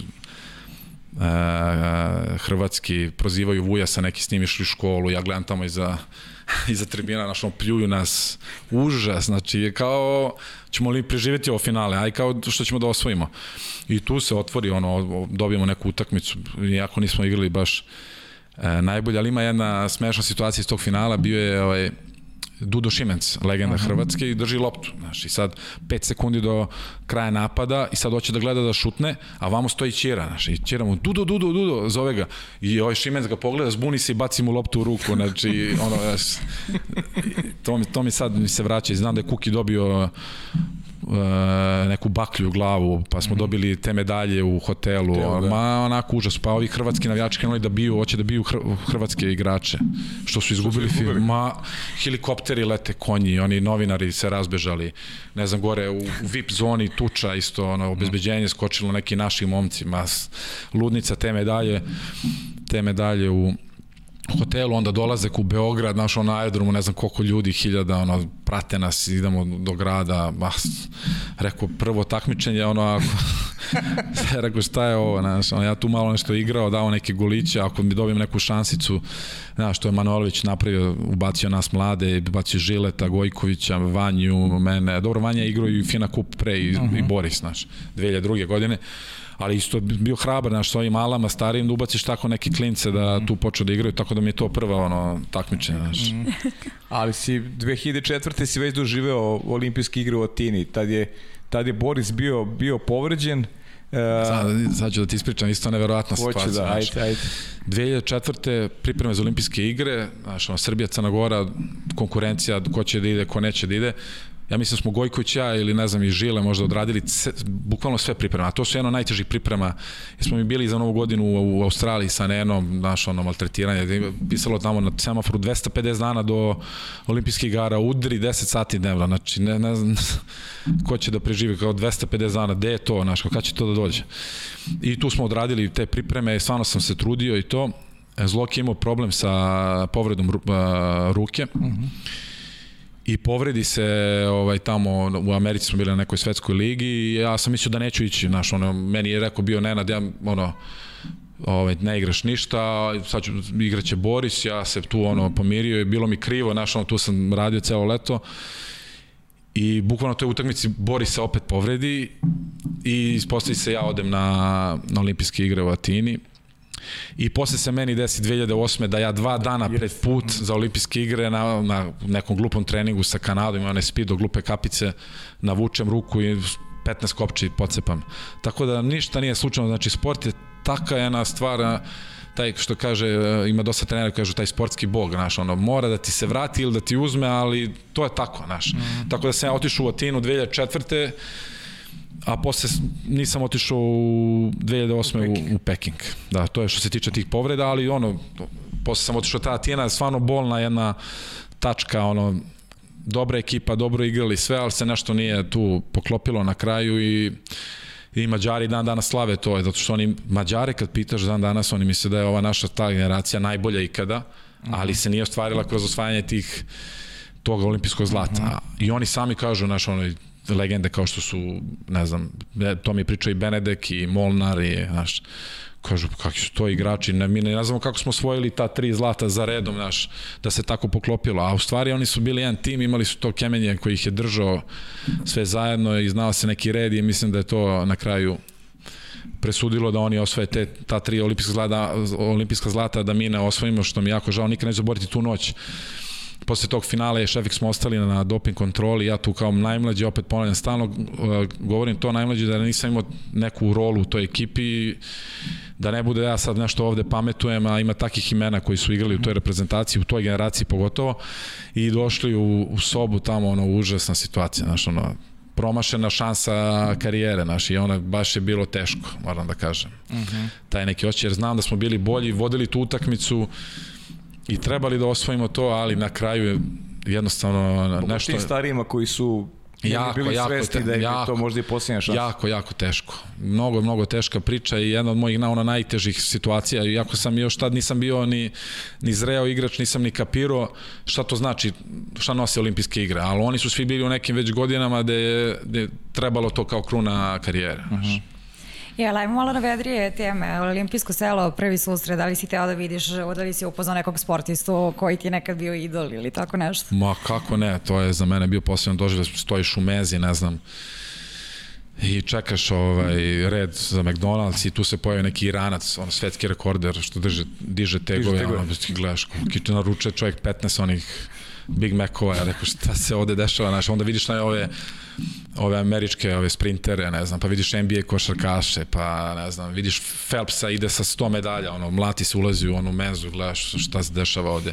Pa na kraju u, u pojavi se Nole, nastane ono, pomama teška, ono, pa Bolt pravi žurke na terasi osvojio čovjek, ono, svi stoje ispred gledaju, znaš, ono, da li će nekog da pusti gore da, da se popne, neka muzika kuba, ona, sa Jamajke, ono, ma, iskustava ima hiljadu, stvarno posebna priča, uđeš u to olimpijsko selo, svi su jednaki sportisti, znaš, ono, svi imaju tu akreditaciju, svoju opremu i ono, krećeš se tu, imaš razne te punktove po olimpijskom selu, fokusiran si na na rezultat. Mi u Waterpolu smo bili ti koji počinjemo prvog dana, završamo zadnjeg dana. Znači, nisi mogu da se opustiš za to vreme, a vidiš ove, ne znam, plivače, atletičare, oni završe svoju trku i, i onda su slobodni, ostanu još 5-6 dana da se zezaju tamo u gradu i u olimpijskom selu. Tako da je stvarno jedan poseban doživljaj i u stvari to je neka poenta bavljenja sportom. Taj osjećaj na tim olimpijskim igrama, pripadnost tim sportistima kojih ima, ne znam koliko bude, 10.000 sportista, poseban osjećaj, pogotovo ta medalja olimpijska, bilo koja, uvek kažem, je isto jedan osjećaj koji će da me prati do, do kraja života. I pogotovo ta poslednja olimpijsko zlato u Riju, uvek se na to vraćam jer to je kao neka kruna i ono, završio si, rekao si majstore, evo, to je to, ajde sad, paljba kao naša. Mm. I napravit ću samo malu digresiju pre nego što odemo na Peking Ma, za te tri olimpijade. Uh, je li ima neko koga si, koji je ostavio tebi najveći utisak? Da si upoznao ovako? Pa ovako da da kažem, ma najveći utisak je Nole Đole. Bez, čovjek, mi ulazimo na otvaranje e, olimpijskih igara, on čovjek četiri sata potpisuje da je autograf. Ovo je autograma, je, znaš. Ja rekao, šta je ovo, kako je čovjek izdrži uopšte? Četiri sata, ali on, njemu, on, čovjek to potpisuje, slika se, gde god se pojavi, ono, svi za njim, ono, trka, znaš, ono, svi gledaju šta će da uzme da jede, gde će da se pojavi, ono, a on je za mene najveća senzacija, ubedljivo. Pogotovo što je naš čovek i što je tako nešto napravio u svojoj karijeri, tako da on mi je ostavio najveći utisak sa tih. Nažalost, nije, nije se ni on ostvario, daj Bože, evo, ako se otvori šansa da da proba da osvoji to olimpijsko zlato, jer mislim da zaslužuje i da bi mu to onako bilo jedna, jedna bitna stavka u karijeri. E, ajmo onda da se vratimo, znači Peking zbog povrede nije bilo 2008. Onda u Londonu bronza, konačno zlatno odličije u Rio 2016. Pa malo da je voziraš uspomene sa najvažnijih uh, sportskih takmičenja.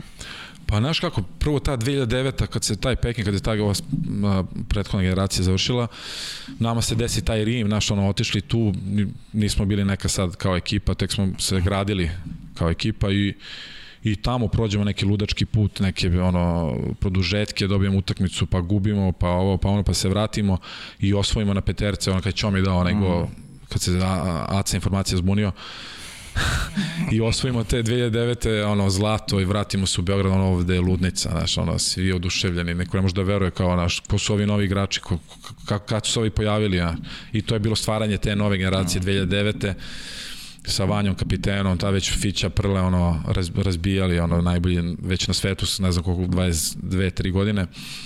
I onda posle taj neki red medalja Zagreb, pa Šangaj, pa London malo smo tu ovaj a, posrnuli, to je jedno polufinale proti Italije, znaš, uvek smo imali taj strah od tih žabara, znaš, no, kad, se, kad se igra neka ta bitna utakmica, jako smo bolji od njih da, će, da ćemo da izgubimo, da, i onda nam dođu posle četiri godine opet u Riju polufinale i to nam je bila utakmica prekretnica. Jer smo znali da ako uđemo u finale, kogoda nam dođe, dobit ćemo, znaš. Uh -huh. I tako taj neki red tih 100 medalja, ali nema olimpijsko zlata, znaš. I onda svi su u Srbiji kao vidi ovi osvajao, kad dođe da se osvoji olimpijsko zlato, nema ih nigde. Uh -huh. I onda smo nosili taj pritisak, što se videlo u Riju po rezultatima, i onda imali smo u januaru evropsko prvenstvo, pred ovde, pred 15.000 ljudi finale, da nismo igrali najbolje, ali osvojiš opet. I ja rekao, osvojili smo sad u januaru ovo evropsko, da će da nam da Bog, naravno, da ćemo da se poklopimo za, za Rio naše. Mnogo je kratko, to osvojiš kući u Beogradu, to je euforija, najbolji si vamo tamo i dođe ti, taj, dođu ti te olimpijske igre. I sad, šta će tu da se desi? Mi ono u grupi Rasula, možemo što se sastavimo. Znaš, kao da se sve urotilo protiv nas. I tu nekako izguramo tu grupu, provučamo se, gubimo i od Japana 5-2, ono Deki nam kaže na polovremeno, alo ljudi bre, znate vi da idemo mi kući ako kao gotovo je, znaš, kao, a svi beže od nas, gube tamo Hrv, Hrvati izgubili od Francuza, da. namestili, ne znam šta su radili. Da beže. Da beže, a ne znaju da mi ne možemo da dobijemo Japan, znaš, da, da idemo kući, znaš, i tako, to, to je čudo, nevjerovatno, taj, taj turnir ću isto pamtiti do kraja života. I na kraju dođe to neko četvrtfinale protiv Španaca, tu se skupimo, Amanda proradi mašina, znaš, od četvrtfinala. Pa možda, možda zbog krompire. Pa da, krompir, znači svi me pitaju za taj krompir, ali to je živa istina. Pa, to, ono. pa to i on sam pričao. Ma jeste, ma Maka nije bio u grupi, nije bio svoj. A odakle ti ideja, objasni mi? Ma to ti je očajanje, brate, znaš, ono ti padaju, padaju gluposti na pamet, ulazi kroz neku kuhinju, ono vidim nek... Pa ja sam uvek neke izmišljao neke gluposti, mm. znaš, ja uvek imam neke te tripove daj ovamo da uradimo ovo da bismo ono da li će da nam se vrati neće da nam se vrati uvek sam ja to nešto računao naš Dobro. ja taj krompir sam uzeo ne znam ni zašto sam ga uzeo i onda vidim Manda znaš on nije bio svoj u grupi nije igrao taj svoj waterpolo naš -huh. tu nas fića drži prle se vraća mi se tražimo svi I ja kažem, evo ti bre ovaj krompir da si ga čuvao do kraja, naš. A ono, rekao sam mu samo, naš, da se malo tu atmosfera nešto, da se dešava, naš, nešto lupetaro sam, naš. Eto ovaj krompir, ja zaboravim kakav crni krompir, naš, evo.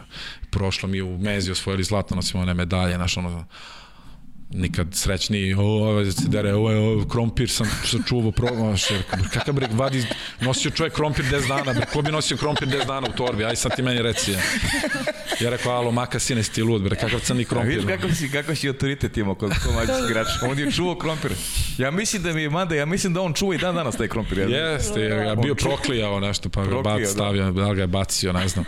Sad ga stavio u muzej, naš neki sporta, naš krompir, kao ide priča ispod. I tako sam to uradio, znaš, ja stalno nešto izmišljam, a ja sam bio u paklu, znaš, igraš zadnji turnir u karijeri i ne ide ništa, znači, ja sve pada u vodu kako ne osvojiš tu naj, najbitniju medalju u karijeri, znaš, i Još, još vam Soru ne da, da, da, da date gol. Ja, sa Sorom, pa sam ga prozivao za vreme utakmice. Ja, jesam. Znači, Brazil nas nabija 5-4. Znači, to je kao sad u košaci ne znam ko da dođe ili u futbolu ne znam ko da nas dobije, bukvalno. No. Da. Ovaj čovjek se razbranio 15 odbrana, ja rekao, šta ti je sine, bre, ne, ne možete da dobacite do polufinala, mislim, šta se istripo, znači. A to iz nemoći, ja kažem najiskrenije, ja sam njemu rekao, Soro, tokom utakmice daj bre šta ti je sine danas šta braniš danas znaš ono malo sam tu nešto i, i glupo rekao on me gleda ovako znaš ne može da veruje i stvarno gubimo 5-4 od Brazila ono ja bacam taj bade mantil ono užas situacija ono, ništa nismo igrali i onda ajde, vidiš, izgleda to je negde bilo zapisano da mora tako da ide. Mm, pa da. Ja, kako je bilo avionu posle Rija? Pa šta, kako je bilo put, ne znam, Rio, Dubaj, ne znam, 15-16 sati, ekipi, malo zezanje, košarkaši, ono, svi zadovoljni, četiri bre ekipe. Da, uzeli medalju. Uzeli medalju, bre, ja ne znam što Amerikanci imali, da li imamo neko ošte četiri u timski sporti? Timskim, da, pa mislim da nije, nije sigurno. Mala Srbija, 7 miliona, četiri timska sporta, da, da. medalja, pa to je, svi srećni, zadovoljni, znaš, gledali smo i finale košarke e, sa Amerikom, znaš, ono, puno ti srce, ove košarkašice isto svojile bronzu, znaš ti šta je to za njih? krivo mi jedino što odbojkašice nisu ovaj, uzele zlato, uzele zlato imale su životnu šansu, znaš, ono, mm. i ne znam, s Kinom su igrali u finalu, da, bre. i još su dobili tu kinu u grupi, naš, prošli ono, baš težak put. Krivo mi je zbog njih što nisu i one uzele zlato, ali kažem ti imaš četiri ekipe, vraćamo se avionom, ne znam da smo stali u Dubaji, muzika, zezanje, da ne pričam, znaš kako to već ide. Imaš dosta vremena, znaš kad imaš 15-16 sati, znaš, a nikad kraja tom letu i mora da, a zabava ide sama po sebi, tu neki zvučnici, malo se nekog pića popije, ne sokova do duše, ali ono. Da, pa dobro. Da. Pa dobro, to valjda normalno, ne znam, ljudi ne pomisle da nismo normalni. Iako sportisti generalno malo nisu normalni, znaš. Pa dobro. I ja, bilo je pitanje gledalaca kako si preživao na ovakvu poraz. U, bilo je teško, znaš.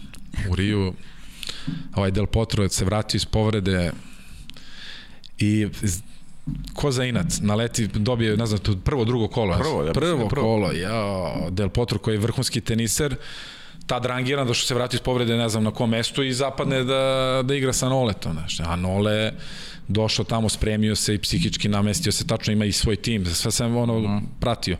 I dođe čovjek iz povrede se vrati i dobije Nolet. Koji je igrao ta tenis, sigurno ne znam, polufinala, finala posle Del Potro, ja mislim i bilo mi mnogo nam je bilo krivo, žao, znaš, sve je krenulo naopačke od početka tog uh, olimpijskih igara, ali posle krenulo da se otvara, tako da, kažem, nadam se da će Nola imati šansu još jednu ili dve, ako Bog da, da da se ostvari tu da, da napravi, da osvoji zlato. Uh -huh. I ajmo sad na svetski šampionat. Čak pet si odigrao, osvojio si tri zlata, Montreal, Rim, Kazan, koje je bilo najteže, koje je bilo najslađe? Pa najslađe najbolje. Rim je bilo 2009. ono što sam rekao, što niko nije očekivao od nas, nova generacija E, nova neka energija, odigrali dobro, imali težak put, mogu da kažem i za Montreal 2005. to je Srbija, Crna Gora, isto bitno jedno takmičenje posle Atine, da su nas Mađari dobili u finalu, da mi dobijemo u finalu te Mađare iste, da napravimo taktiku, da, da se organizujemo da se organizujemo i da, da osvojimo to svetsko prvenstvo. I na kraju Kazan, to je bila teška dominacija. Ja ne znam da, da će se to ponoviti. Finale, ne znam koliko smo bili, 6-7 razlike. 11-4 čini 11-4, onda polufinale s Italijom vodimo, ne znam, 7-1, ono. Mm. To je, taj turnir je bukvalno kao da ga je neko nacrto idealnim i mi smo ga odigrali. Ono, bez nervoze bez i oni koji bez... prate i vi koji igrate. Ma ono, sve smo otresli, ono, bukvalno, baš, baš, ono, dobar turnir i ono, tri svetska zlata, stvarno ono, dobra, dobra ja, da, kakav je osjećaj kad se kaže jedini igrač sa tri svetska zlata? Pa znaš kako, meni Jedino to... u istoriji koji ima tri svetska pa, zlata. Pa ne, valjda, tako su mi nešto rekli, znaš, ja ti to nešto ne pratim, mm. a vidim da ono, znaš, ovi neki su pisali jedini tri svetska zlata. Ma do, ono, dobro je, šta znam ja. da, a? Pa ono, Skroman si, kao dobro rekao. pa ne znam što da ti kažem, znaš, sad će ovi da kažu kao vidi ovaj bre ludak, znaš, kao tu imao i sreće i ovo i ono, ali stvarno ono, učestvovao sam tim ekipama, ono, osvojio sam i puno mi je srce, kako ti kažem jer uvek sam isticao ekipu, znaš, uvek sam ono bio, ajde taj kolektiv tu da se mi bre skupimo, pa to će se pamti jednog dana, znaš, kao. I tako se desilo da sam igrao i s ovim starima, taj Montreal 2005. pa posle taj Rim i, mm. ali nemo ima ovi bre, ovi će da stignu bre, ovi Fića, ne znam, Prle, ne znam, oni imaju po dva, ili ovi mali Sava, Manda, oni imaju da cepaju još 10 godina, daj Bože da, da to bre preteknu. Znaš. Da, pa želimo im. Pa kako srca, ne, da, naravno. A kaži mi, sedam evropskih prvenstva si odigrao, pet zlata, koju tu izdvajaš? Ono što zaista sa vama svima pričam, ono što što je meni impresivno od 2014. godine e, reprezentacije nije izgubile na evropskim prvenstvima uopšte. Iako je ove godine do duše na peterce, da. ali u regularnom delu ni jedan poraz od 2014. godine pa, tog meča s Mađarima u grupi. Da. Dve 2006. kad smo ovde i osvojili, to je bilo prvi put da se intonirala Bože pravde himna, da. stvarno i tu sam ono odigrao jedan dobar turnir, bio prvi centar, onako bio isto malo veći. Kad igraš kući naš, malo zeznuto i to finale smo dobili, ne znam kako, to mi je jako drago, zato što tu smo igrali na Tešmajdanu. Da, teško utakmica bila sa Teška da. finale, baš, baš teško, ali isto jedna ono, jako bitna zlatna medalja i ne znam šta je posle bio taj Eindhoven, Eindhoven 2012, 2012 da. da. I tu smo ono, odigrali dobro pred London, opet to ti kaže, onda smo u Londonu mogli bolje. Znaš kako imaš tu u januaru, pa posle imaš mm. olimpijske igre šest meseci posle. Ma najbitnije je ta 2014. Znaš kako, mi smo, nismo prošli dobro 2013. Znaš, deki postavljan za selektorno svetsko da. prvenstvo i bio je veliki pritisak da napravimo nešto na evropskom. Mm -hmm. Jer tu da nismo napravili pitanje šta bi bilo sa ovom generacijom, generalno. Znaš. Da, to vam je univerzalno mišljenje cele generacije. Jeste, očinu. da, i tu se ono, naš, isto nismo igrali dobro u grupi vamo tamo i onda se otvorilo i hvala Bogu Deki tu postavio, naš, on, Deki Mađonič priča, napravio tu dobru neku energiju, naš ti međuljudski odnosi, snimio kako funkcionišemo, ko nas starije poznao, igrali smo zajedno i tu se poklopi, otvori se 2014. i tera i dalje, znači niko nam nije mogo ništa, znaš, mm. bukvalno. Je, sve smo po, spomenuli, ali nismo spomenuli da je tvoja generacija i juniorskim selekcijama dominirala. A jeste, da, osvajali smo tu dva, tri zlata, da, i svetsko i evropsko, da, da. Mm. Bila dobra generacija, pogotovo to Srbija, Crna Gora, Jugoslavija, što smo igrali, tu bio Zlok, Zloković, Jokić, e, da čak su igrali Prle i Fića, da neko ne zaboravi Mlađan Janović, Gojko Pjetlović, Rađen, Dule Pjet, ma stvarno da, ludilo. ludilo mm. ekipa baš, baš dobra, sve zajedno i tu smo dominirali za, za, za te mlađe kategorije. E, kad povučeš sad crtu neku, ili postoji neka žala, ili ima nešto što kažeš sebi, evo, mogo sam ovo da uradim, a nisam? Ne, verovali ne. Ništa, ni u relacijama nekim, ni u, ni u, ni u kad pričamo o rezultatima, ni... Ma ne, zato što meni je, kako bi ti rekao, ja sam zadovoljan sa tim što sam uradio i, i koliko sam učestvovao u tim uspesima i stvarno ne bi ništa menjao. Možda bi menjao to tu Atinu, znaš, ili ta, malo je to onako, jer ja mislim da su i ovi naši bre, ovi asovi stari od nas zaslužili da imaju tu, tu mhm. medalju.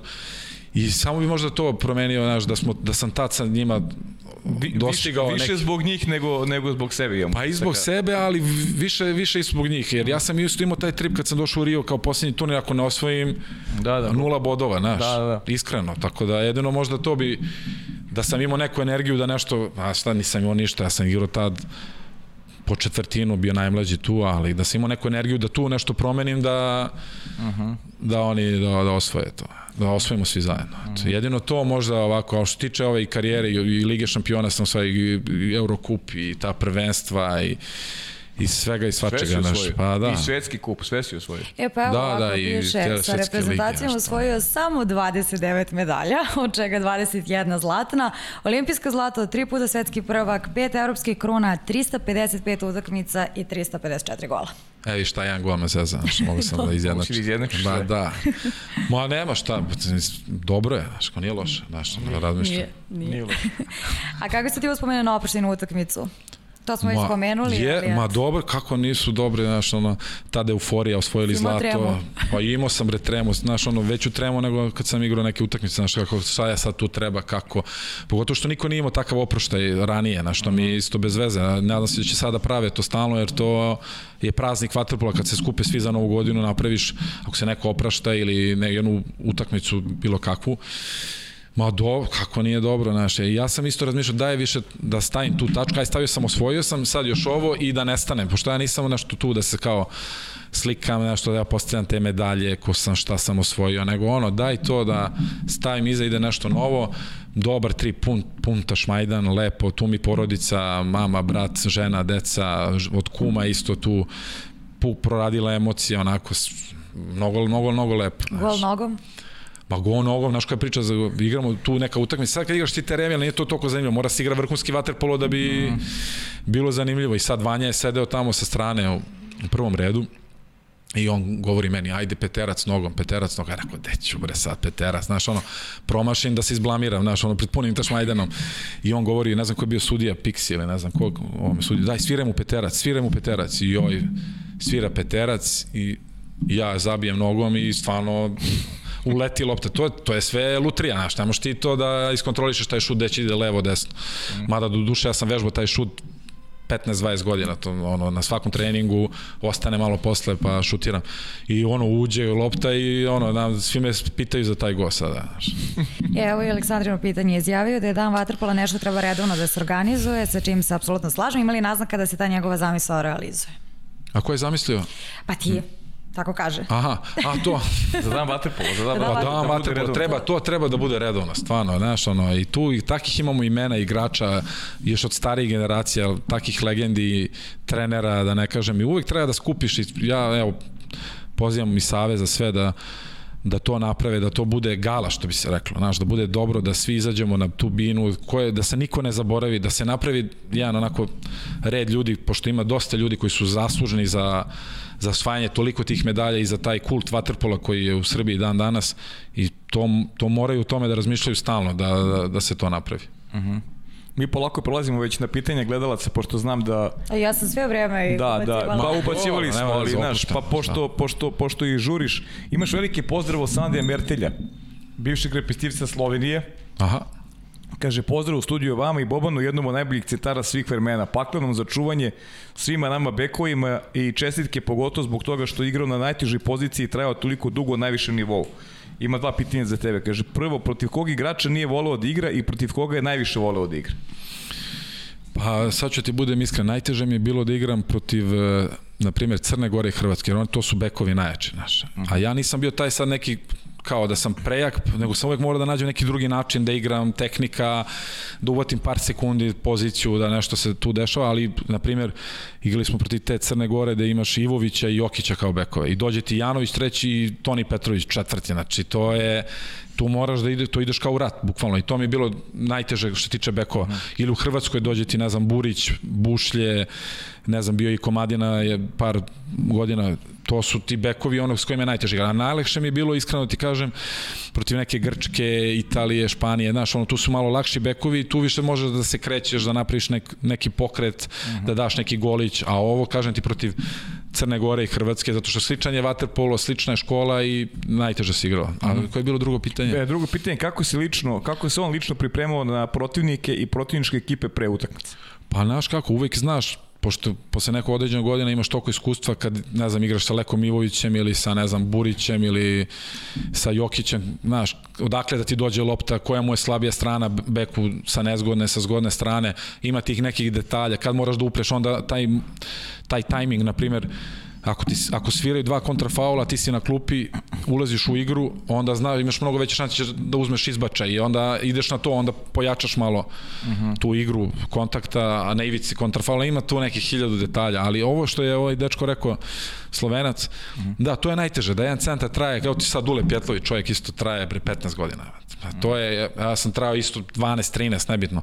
Za centra, sa tim pritiskom, s fizičkim trošenjem, mnogo, mnogo teško, znaš. I, I to je u stvari najveće umeće, da ti možeš da igraš na tom nivou toliko godina. To je ono što je radio, ne znam, Vujas do ne znam koje godine, to je isto neverovatno, znaš. Onda što je radio Benedek do svoje 37. 38. godine, e, to je da se skine kapa. Znači ti moraš da si motivisan isto kao i prvog dana, moraš da paziš svoje telo, moraš da, da razmišljaš bukvalno svakoj utakmici da držiš taj nivo, jer ti kad malo padneš na jedan ispod nivo, to nije više ista priča, znaš. Mm -hmm.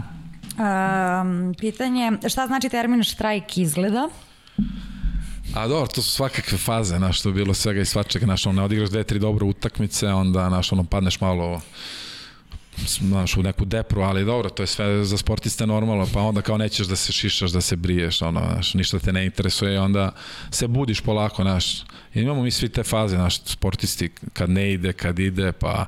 Jesi ti izmislio taj termin? Jesam, ja sam lupetarao sa svašta. E, to je samo jedan delić, znaš, ima tu ovaj... da ne spominjamo. Mnogo jak štrajk izgleda. A zašto se zove šampion Sueverija? Pa zato što sam, zato što sam tenkre koji stalno nešto razmišlja, neka intuicija, ko šta, kad treba ko da da go, kako je ko raspoložen, pa koga treba da, ko treba da se digne da, da igra bolje, ko je malo da spusti loptu i tako neke stvari, zato zbog toga možda, zbog Sujever. Jesi imao rituale neke? Ma, nisam imao sad neki tačan ritual kao što Fića ima, ne znam, ne znam ko, ali ja sam imao neke te tripove svoje, ako držim za vreme utakmice ovde flašu, mi ćemo da, da osvojimo, ili ako ili ako ovaj da go sad naš, na primjer Ćule da neki go, ja znam da mi osvojimo ovaj mali Ćule kad zavrne onaj njegovu vijaču, kad da. odbrana ovako, svi, svi se njišu, znaš, i onda on da go, ja znam da mi pobeđujemo, on taj X faktor ta, daje go i tu se menja utakmice, tako neke, što se tiče tih stvari, znaš. Aha, aha. Jelena Stanović pita sa, dobro, to smo rekli, sad, naučio si da plivaš sa koliko si, rekao si sa Pa s 5-6 godina, znaš, nije mi išao neki tu kraul, ono, nisam imao najbolji stil, pa sam prešao na vatru, to sam, mm -hmm. da. Priča. Komu je najteži, a koji je omiljeni deo treninga? Pa omiljeni mi je deo treninga kad se šutira, pogotovo kad se igra i onda mi trener kaže aj malo idi na krilo ili stani malo s igračem više na krilo. Znaš, mi svi centri patimo toga da damo go van 4 metra, znaš, a mada meni to nije išlo baš dobro, ali opet je, znaš, ono, imaš taj ovaj, hoćeš da daš go sa iz daljine, znaš, i to je meni bilo, kad me stavi trener, ono, sa neke ozbiljne pripreme i ono, malo mora da bude opuštanja nekad. I stavi me, na primjer, napolju da šutiram sa igrača više sa krila, znaš, i to mi je bilo najbolje. Uh -huh. I to mi je omilje da je treninga šutiranja. A, da li voliš da ješ kiwi? Ma, a to je ona priča, smo pričali kod uh, Ivana Ivanovića. Pa da, ovo, kad smo žile ja imali akciju kivija, pa smo se ispekli, ono, s našom usta, znaš, smo... Šta ste radili? Ma, udeknuli, ukrali smo neki kivi, ono, klinačke fore, znaš. I onda seli tamo ispred uh, Bore Stanković ispred škole i krenuo da jedemo kivi iz one gajbice, a pojedeš 3 kila ki, kivija, sad se ošuriš, evo. Pa čekaj. Pa čekaj, ste ga ljuštili ili šta? Pa ne, što smo ga ljuštili Ja, kao, ali ljuštili. šta, napolju sediš, nemaš ništa, znaš, pa ga kao, sečeš ga zubima, znaš. jako. E, e, najnezgodniji golman. Ma šefik. Ne mislim, ne fizički, nego A, najteže mu daš gol. Pa šefik. Da, šefik, Pa to. šef, kad ti on iskoči, pa kako sada, znaš, gde kuda da šutneš, znaš. Da. E, najbolji i najteži moment u karijeri? Pa najbolji možda taj moment kad, smo, kad sam svojio u Rio to olimpijsko zlato, gde sam bio saz, 33 godine sazreo i kao igrač, a, a najteži možda to kad sam se povredio pred eh, Peking, pa nisam išao na olimpijske igre, da kažem. Tad sam se baš bio smorio. ono. Omiljeni saigrač. Omiljeni saigrači, uf, ima i mnogo, ali ajde da kažem da, je, da mi je jedan od najomiljenijih Fića možda. Fića, a? Da, da, da. E, šta misliš o Vladi Markoviću? E, Vlada Marković, on mi je pokazivao te prve forice, čovjek s glob, ono ja kao klinac na banjici, trening Partizana i onda on dođe iza malo, pa posloži te njegove leva šrauba, desna, vijak, vam to je neverovatno bilo, znaš, koja je ruka talenat, tako da mi je on ono, neke te prve forice i cake pokazivao, da, tako da mi je bilo zanimljivo. E, mikrofon. Aha, mikrofon, dobro. E, kog igrača bi volao da trenira? Da ja treniram? Uh -huh. Uf, ja bih volao ove sad da treniram ove najbolje, sad, znaš, sad. kad imaš ove najbolje, onda ti je... Lako ti je onda. On, mislim, nije ti lako, ali onda znaš šta imaš, znaš, koji kvalitet i, i tako ima. A, a o, igrački trenerski uzor? Igrački, trenerski, ma nisam ja neki, Ni, nemaš to? nisam imao nešto to kao neki, ali ja, na primjer, ajde iz Waterpola mi nekako teže da, da kažem ko, ali ja, na primjer, sko, pošto pratim druge sportove, na primjer, taj Želj, Željko Bradović mi je ono, Aha. ili ma, možda Mourinho u futbolu je neke tako, znaš, kad vidiš neke mm -hmm. monstrume koji drže sve pod kontrolom i traju po 10-15 godina. Ko bi bio golman, ko centar, a ko kapiten njegovog idealnog tima? Golman, uh, šefik, Šefik. sigurno. Uh, centar, Pa centar, ajde kažem Čomakidze, ovaj Rusijan koji je bio A, Čomakidze, bomba, znači mm. noge, jak pokret i bek, Kapiten. Ko ka... kapiten. U, čoveče, to je zaznuto, znaš. Pa možda kuma. Pa, ima i troje, znaš. A Kumara, ovo zadnje što je napravio, čovjek nije sve turnire osvojio, nekako je, znaš, ono, pa kako? Pa kako? Čovjek ima 9 iz 9. Ba deve, pa to ko ima to? Ali dobro, žile, bre, ta energija, znaš, taj... A ako hoćeš da osvojiš, mora staviš kuma. Pa. Kuma, pa stavit ću i Vanju, isto Vanju, Kuma. Kuma, dobro, Pa da. da. i stavit ću Vujasa, to su trojica kapitena, nema tu da. sva trojica na neki svoj način, znaš. Mhm, mhm, dobro. Uh, ja ili... Ti. A, da li imaš u planu da postaneš trener reprezentacije? Posle Tokija. Pa možda, nikad se ne znam. Ko će ga znati? Je. Koji ti je bio najteži plivački trening u životu i šta ste plivali? Ma ne, plivo, svakake budalaštine sam plivao i nagledao se 60 puta 100 i 40 puta 200. Bolje da. Kaže, ko je bio zadužen za dobru atmosferu na proslama reprezentacije kad je on bio među mlađima, a ko je bio zadužen, ali u ovoj generaciji delfina? I veliki pozdrav za najtrofejnijeg Bobu. E, hvala, ovaj, pa ono ranije, ko bi bio tu, ne znam, Dača, ne znam, Ćira, oni isto, to se, naš, Deki, to su sve, ovaj, ljudi koji vole da se ljudi koji vole da se druže i vole kafanu, znaš.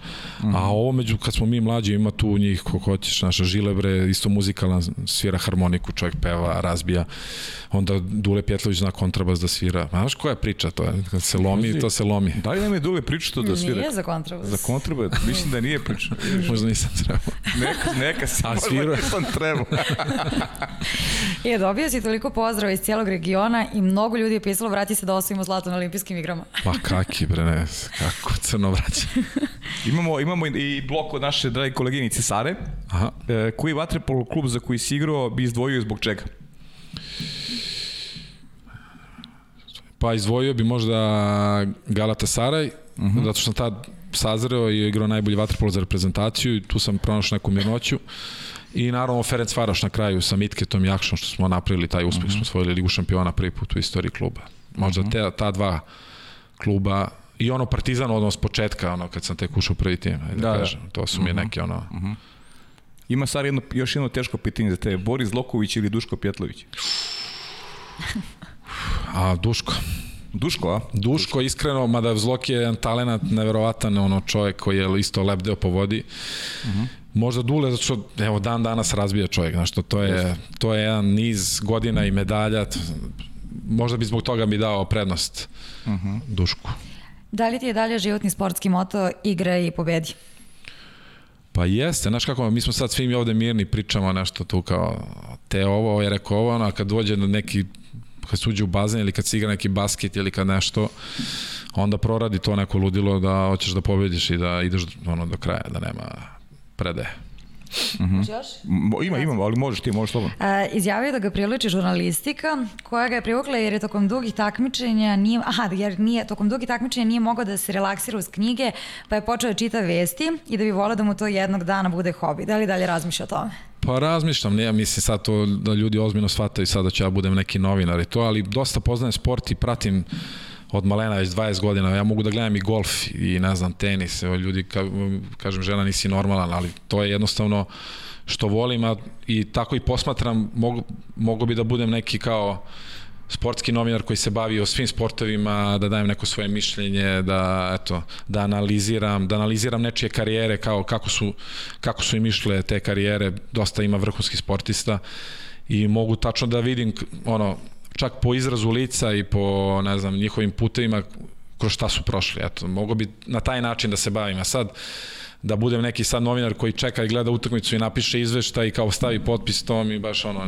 nije najinteresantnije. Zato se ti družiš sa dojednom našeg posla, Marinim tatom, pa. A Marinin tata je car najveći čovjek alfa i omega novi, sportskog novinarstva i ja s njim kad pričam o futbalu ja ne ja mogu s njim 5 sati da provedem da, da pričam o futbalu i o sportu generalno komšija tamo sto puta popijemo kafu i podružimo se sve najbolje on čovek i njegove ove kolumne i Ma, neverovatno. Ja re- rekao sam ti, jedino mu je mana što, što navija za zvezdu, a sve drugo.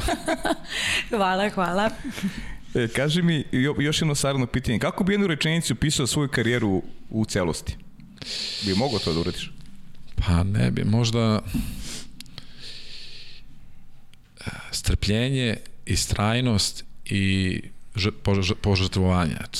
Uh Mhm. -huh. Ali to je stvarno onako duboko sad, ovo sad smo se šalili, ali mislim da na kraju... Eto, to je. Uh, u suprugu si zavoleo muzeje i izložbe. Sada kada je trener, stiže li da uživa u tome i kakvi su muzeji u Budimpešti? Pa dobri su muzeji.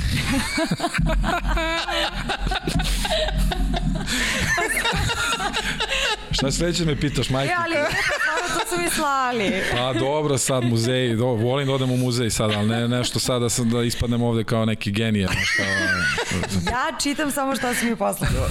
pa voli moja supruga, ona stalno ide.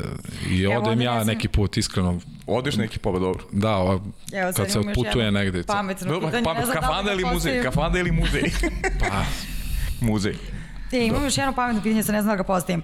Da, izjavio si da voliš da čitaš sve od beletristike do lektire kao i novinski stil u Kaporovim romanima. Koju knjigu bi nam preporučio? pa sve od Kapora, ne znam, Una. Una ili Halo Beograd ili ne znam, uh -huh. kako se zove, kaže Negra, on je dole što je pisao sa Zvukom Džunkorom, ta je knjiga dobra, ta je kockarska, pošto ja volim malo i da se, odem i u kladionicu i to, tako, neke tako stvari, uh -huh. svašta nešto, znaš, ne Da, da. otkrivamo mnogo. Da, dobro. E, pita Sara još, kaže, s obzirom da ostaješ u Waterpolu kao trener, trenutno u mlađim kategorijama, koji je krajnji cilj koji bi želeo da, da postigneš? Gde sebe vidiš u nekoj... Pa voleo bi da budem e, trener neke prve ekipe. I bi voleo? Voleo bi da budem. To je to se kod tebe dogodi neki preokret. Ti nisi želeo da budeš u, u stvari trener, pa sve to. To je ta intuicija, u stvari taj neki instinkt ta pratiš. intuicija, a desilo mi se igrom slučaja da sam počeo da radim, da nisam, da me nije žolt ubacio da radim to s centrima i bekovima, možda ne bi nikad ni bio trener, znaš. Uh Mhm. -huh.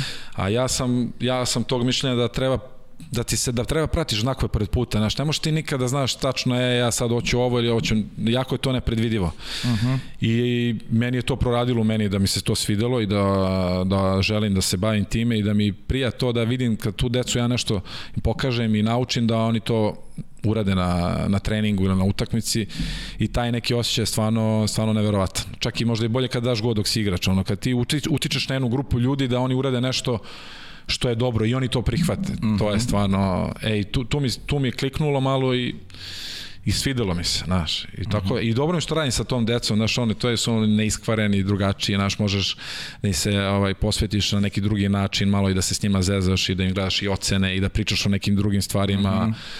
Tako da je jako interesantno. Ja, kad smo već kod toga, mnogi su posebno izdvojili da e, i pohvaljuš da si ambasador fondacije Tijana Jurić tu sam isto onako malo, naš, uh, to mi je teško da gledam te neke stvari što se tiče pogotovo ženskog sveta kad je neko, neko nasilje u pitanju ili tako nešto kao što u ovom slučaju a, to mi je onako da ostanemo ljudi, da, to je najbitnije. I onda kad gledam, čitam te gluposti o novinama, onda mi bude ono nekad malo teško. A to sam uvek da prihvatim za bilo šta humanitarno, humanitarno nekad sam malo ja i neodgovoran pa se i ne javim i ne odgovorim na neke poruke zato što sam ne volim da budem u fokusu generalno, ali za ove ovake stvari uvek sam spreman da, da, da pomognem i da učestvujem. I to su brojni gledalci pohvalili. Da, e, još jedno savjeno pitanje, pošto ima neke koje se ponavljaju, koje ti utakmice, koje će ti utakmice za ove ostati u pamćenju i zbog čega? Pa utakmica će mi, koja će mi ostati za uvek u pamćenju finala olimpijskih igara protiv Hrvatske, dominacija, vrhunac jedne generacije i osvajanje te medalje. Mm -hmm. To je to je definitivno. E, ajde da čujemo još jedno pitanje pre nego što Aha. završimo. Imamo još jedno pitanje. Bravo, bravo. Imam, imam pitanje za Bobo. Bobo, da li bi mogao da izimitiraš tvoju omljenu životinju? ne bi mogo, stvarno ne bi mogo, zato što ne bi, zato što gledaju ovo i deca i naš, misli da bi bio ovaj kreten naš, ne, ne, ne, to Možda nekom drugom prilikom. A? Ako možemo znamo ko je A, možda znamo ko je životinja, da. Bar to da saznamo. Paun. Paun, aha. Da. aha. Paun. Sad ne znam više ništa da postavim. um, Dobro, lepo pitanje, Nikola. Lepo pitanje. Pa da, pa znam ja. Sej. A? Da, je bolje, bolje nego ja njemu da postavljam pitanje. Pošto bolje. bi bilo duplo jače. Uh, ajmo za kraj, uh, još i zašto nikad nisi ubacio Savića u bazen? Pa nije teo debeli da skače nikad, znaš, istripova se bio. Ali dobro, to mu je bilo kao, neće i ajde, teraj. Da. Uvek se skloni sa strane, Ali dobro, ali nikad nije stvarno skočio i to je, ja sam pokušao dva, tri puta, to je bilo na ivici tuče, znaš, da. neće i neće, znaš. Ja, e, ali zar nije Rađen Ra, rekao? Znaš šta je rekao Rađen, da je skočio u bazen kad je Zvezda uzela... Pa da, veliki zvezdaš čovjek, šta, možda mu je to bilo bitnije. Čekaj, dobitnik si majske nagrade 2016. godine, ajde samo da ozbiljimo, kako si to? Pa ne znam, samo izvao Mesteović, kaže, kaže predložili smo te, rekao super, šta je to, nisam ni znao. Mislim, onda posle sam malo uh mhm. -huh. istražio, to je jedna od bitnih nagrada još iz stare juge, mislim, Jest. koja se dodeljivala izvarednim sportistima, sportskim radnicima, tako da mi je ono drago. Još jedna stvar u, kao u CV kada se staje. Da, u CV, da. A, voliš futbol, klub malog futbola Banjica ti proglasio za počasnog predsednika 2019. Ma da, tu su mi ovaj Milan Grahovac, drugar moj iz detinstva, ne znam, Koja Koljenšić isto, koji uh mhm. -huh. drže taj klub i I ja ono kad god mogu nešto tu i pomognem, izreklamiram, odem do banjice, javim se, malo se podružimo i ono, isto. Tu ne mogu, tu sam odrastao, to je moj Datle sam počeo i uvek, uvek mi je drago kad čujem nešto u vezi banjice. Je, kad već pričamo o futbolu, pratiš Engleze? Pratim. Za kog navijaš? Trenutno Trenutno, za Tottenham, zbog Murinja. I gledam, pratim sad kako on, posle što je radio Chelsea u Manchesteru, kako on sad to sklapa kockice. Pogotovo u ovom novijem futbolu, jednom je Kasano rekao isto, znaš, nema više tih šampiona futbolskih kao što nekad bilo, znaš, to su sve cifre, ugovori, povređe, nije povređe, nema, nema, nema duše igrača kao što je Zlatan Ibrahimović ili ne znam, sve manje i manje, sve nekako se menja sport, mnogo se sve više gleda kroz te financije i kroz pare i ti igrači na, sa tim ciframa i platama. Tako da Murinja, gledam kako on sad na ovu novu generaciju, on je od ovih legendi Zanetija, Dekija Stankovića, ne znam, pravio je od Etoa, ne znam, Mote, mm to su drugačije generacije koje su se gledale na njega na jedan način, onako sa respektom. Sad kad dođe neki klinac, 20 godina zarađuje 15-20 miliona, naš, kad dođemo u Murinjo, koji je to pristup? I onda mi je, zbog toga mi je interesantno. I sad gledamo Bela, da li će se vrati i neće. Uh -huh. sa pozajmice, naš, koji je isto jedan šampion I tako neke stvari su mi interesantne za analizu, a Mourinho mi je tu broj 1. A rekao si da pratiš generalno sport, da gledaš sve živo sport i to je nešto što otprilike te neke te neke naše generacije u principu manje više da, da. E, prate, tako smo odrastali. Šta najviše gledaš sada, eto trenutno, šta te najviše okupira Pa najviše me okupira NBA. NBA, ja. NBA, jer sam malo pričao i sa, ono, sa Jokićem, kad smo bili u Riju, i uh -huh. sa mhm. Bjelicom sam pričao kako funkcioniše ta, to takmičenje. Mislim da je to najbolje organizovano takmičenje na svetu, uh -huh. znaš, mhm. ta franšiza sama po sebi.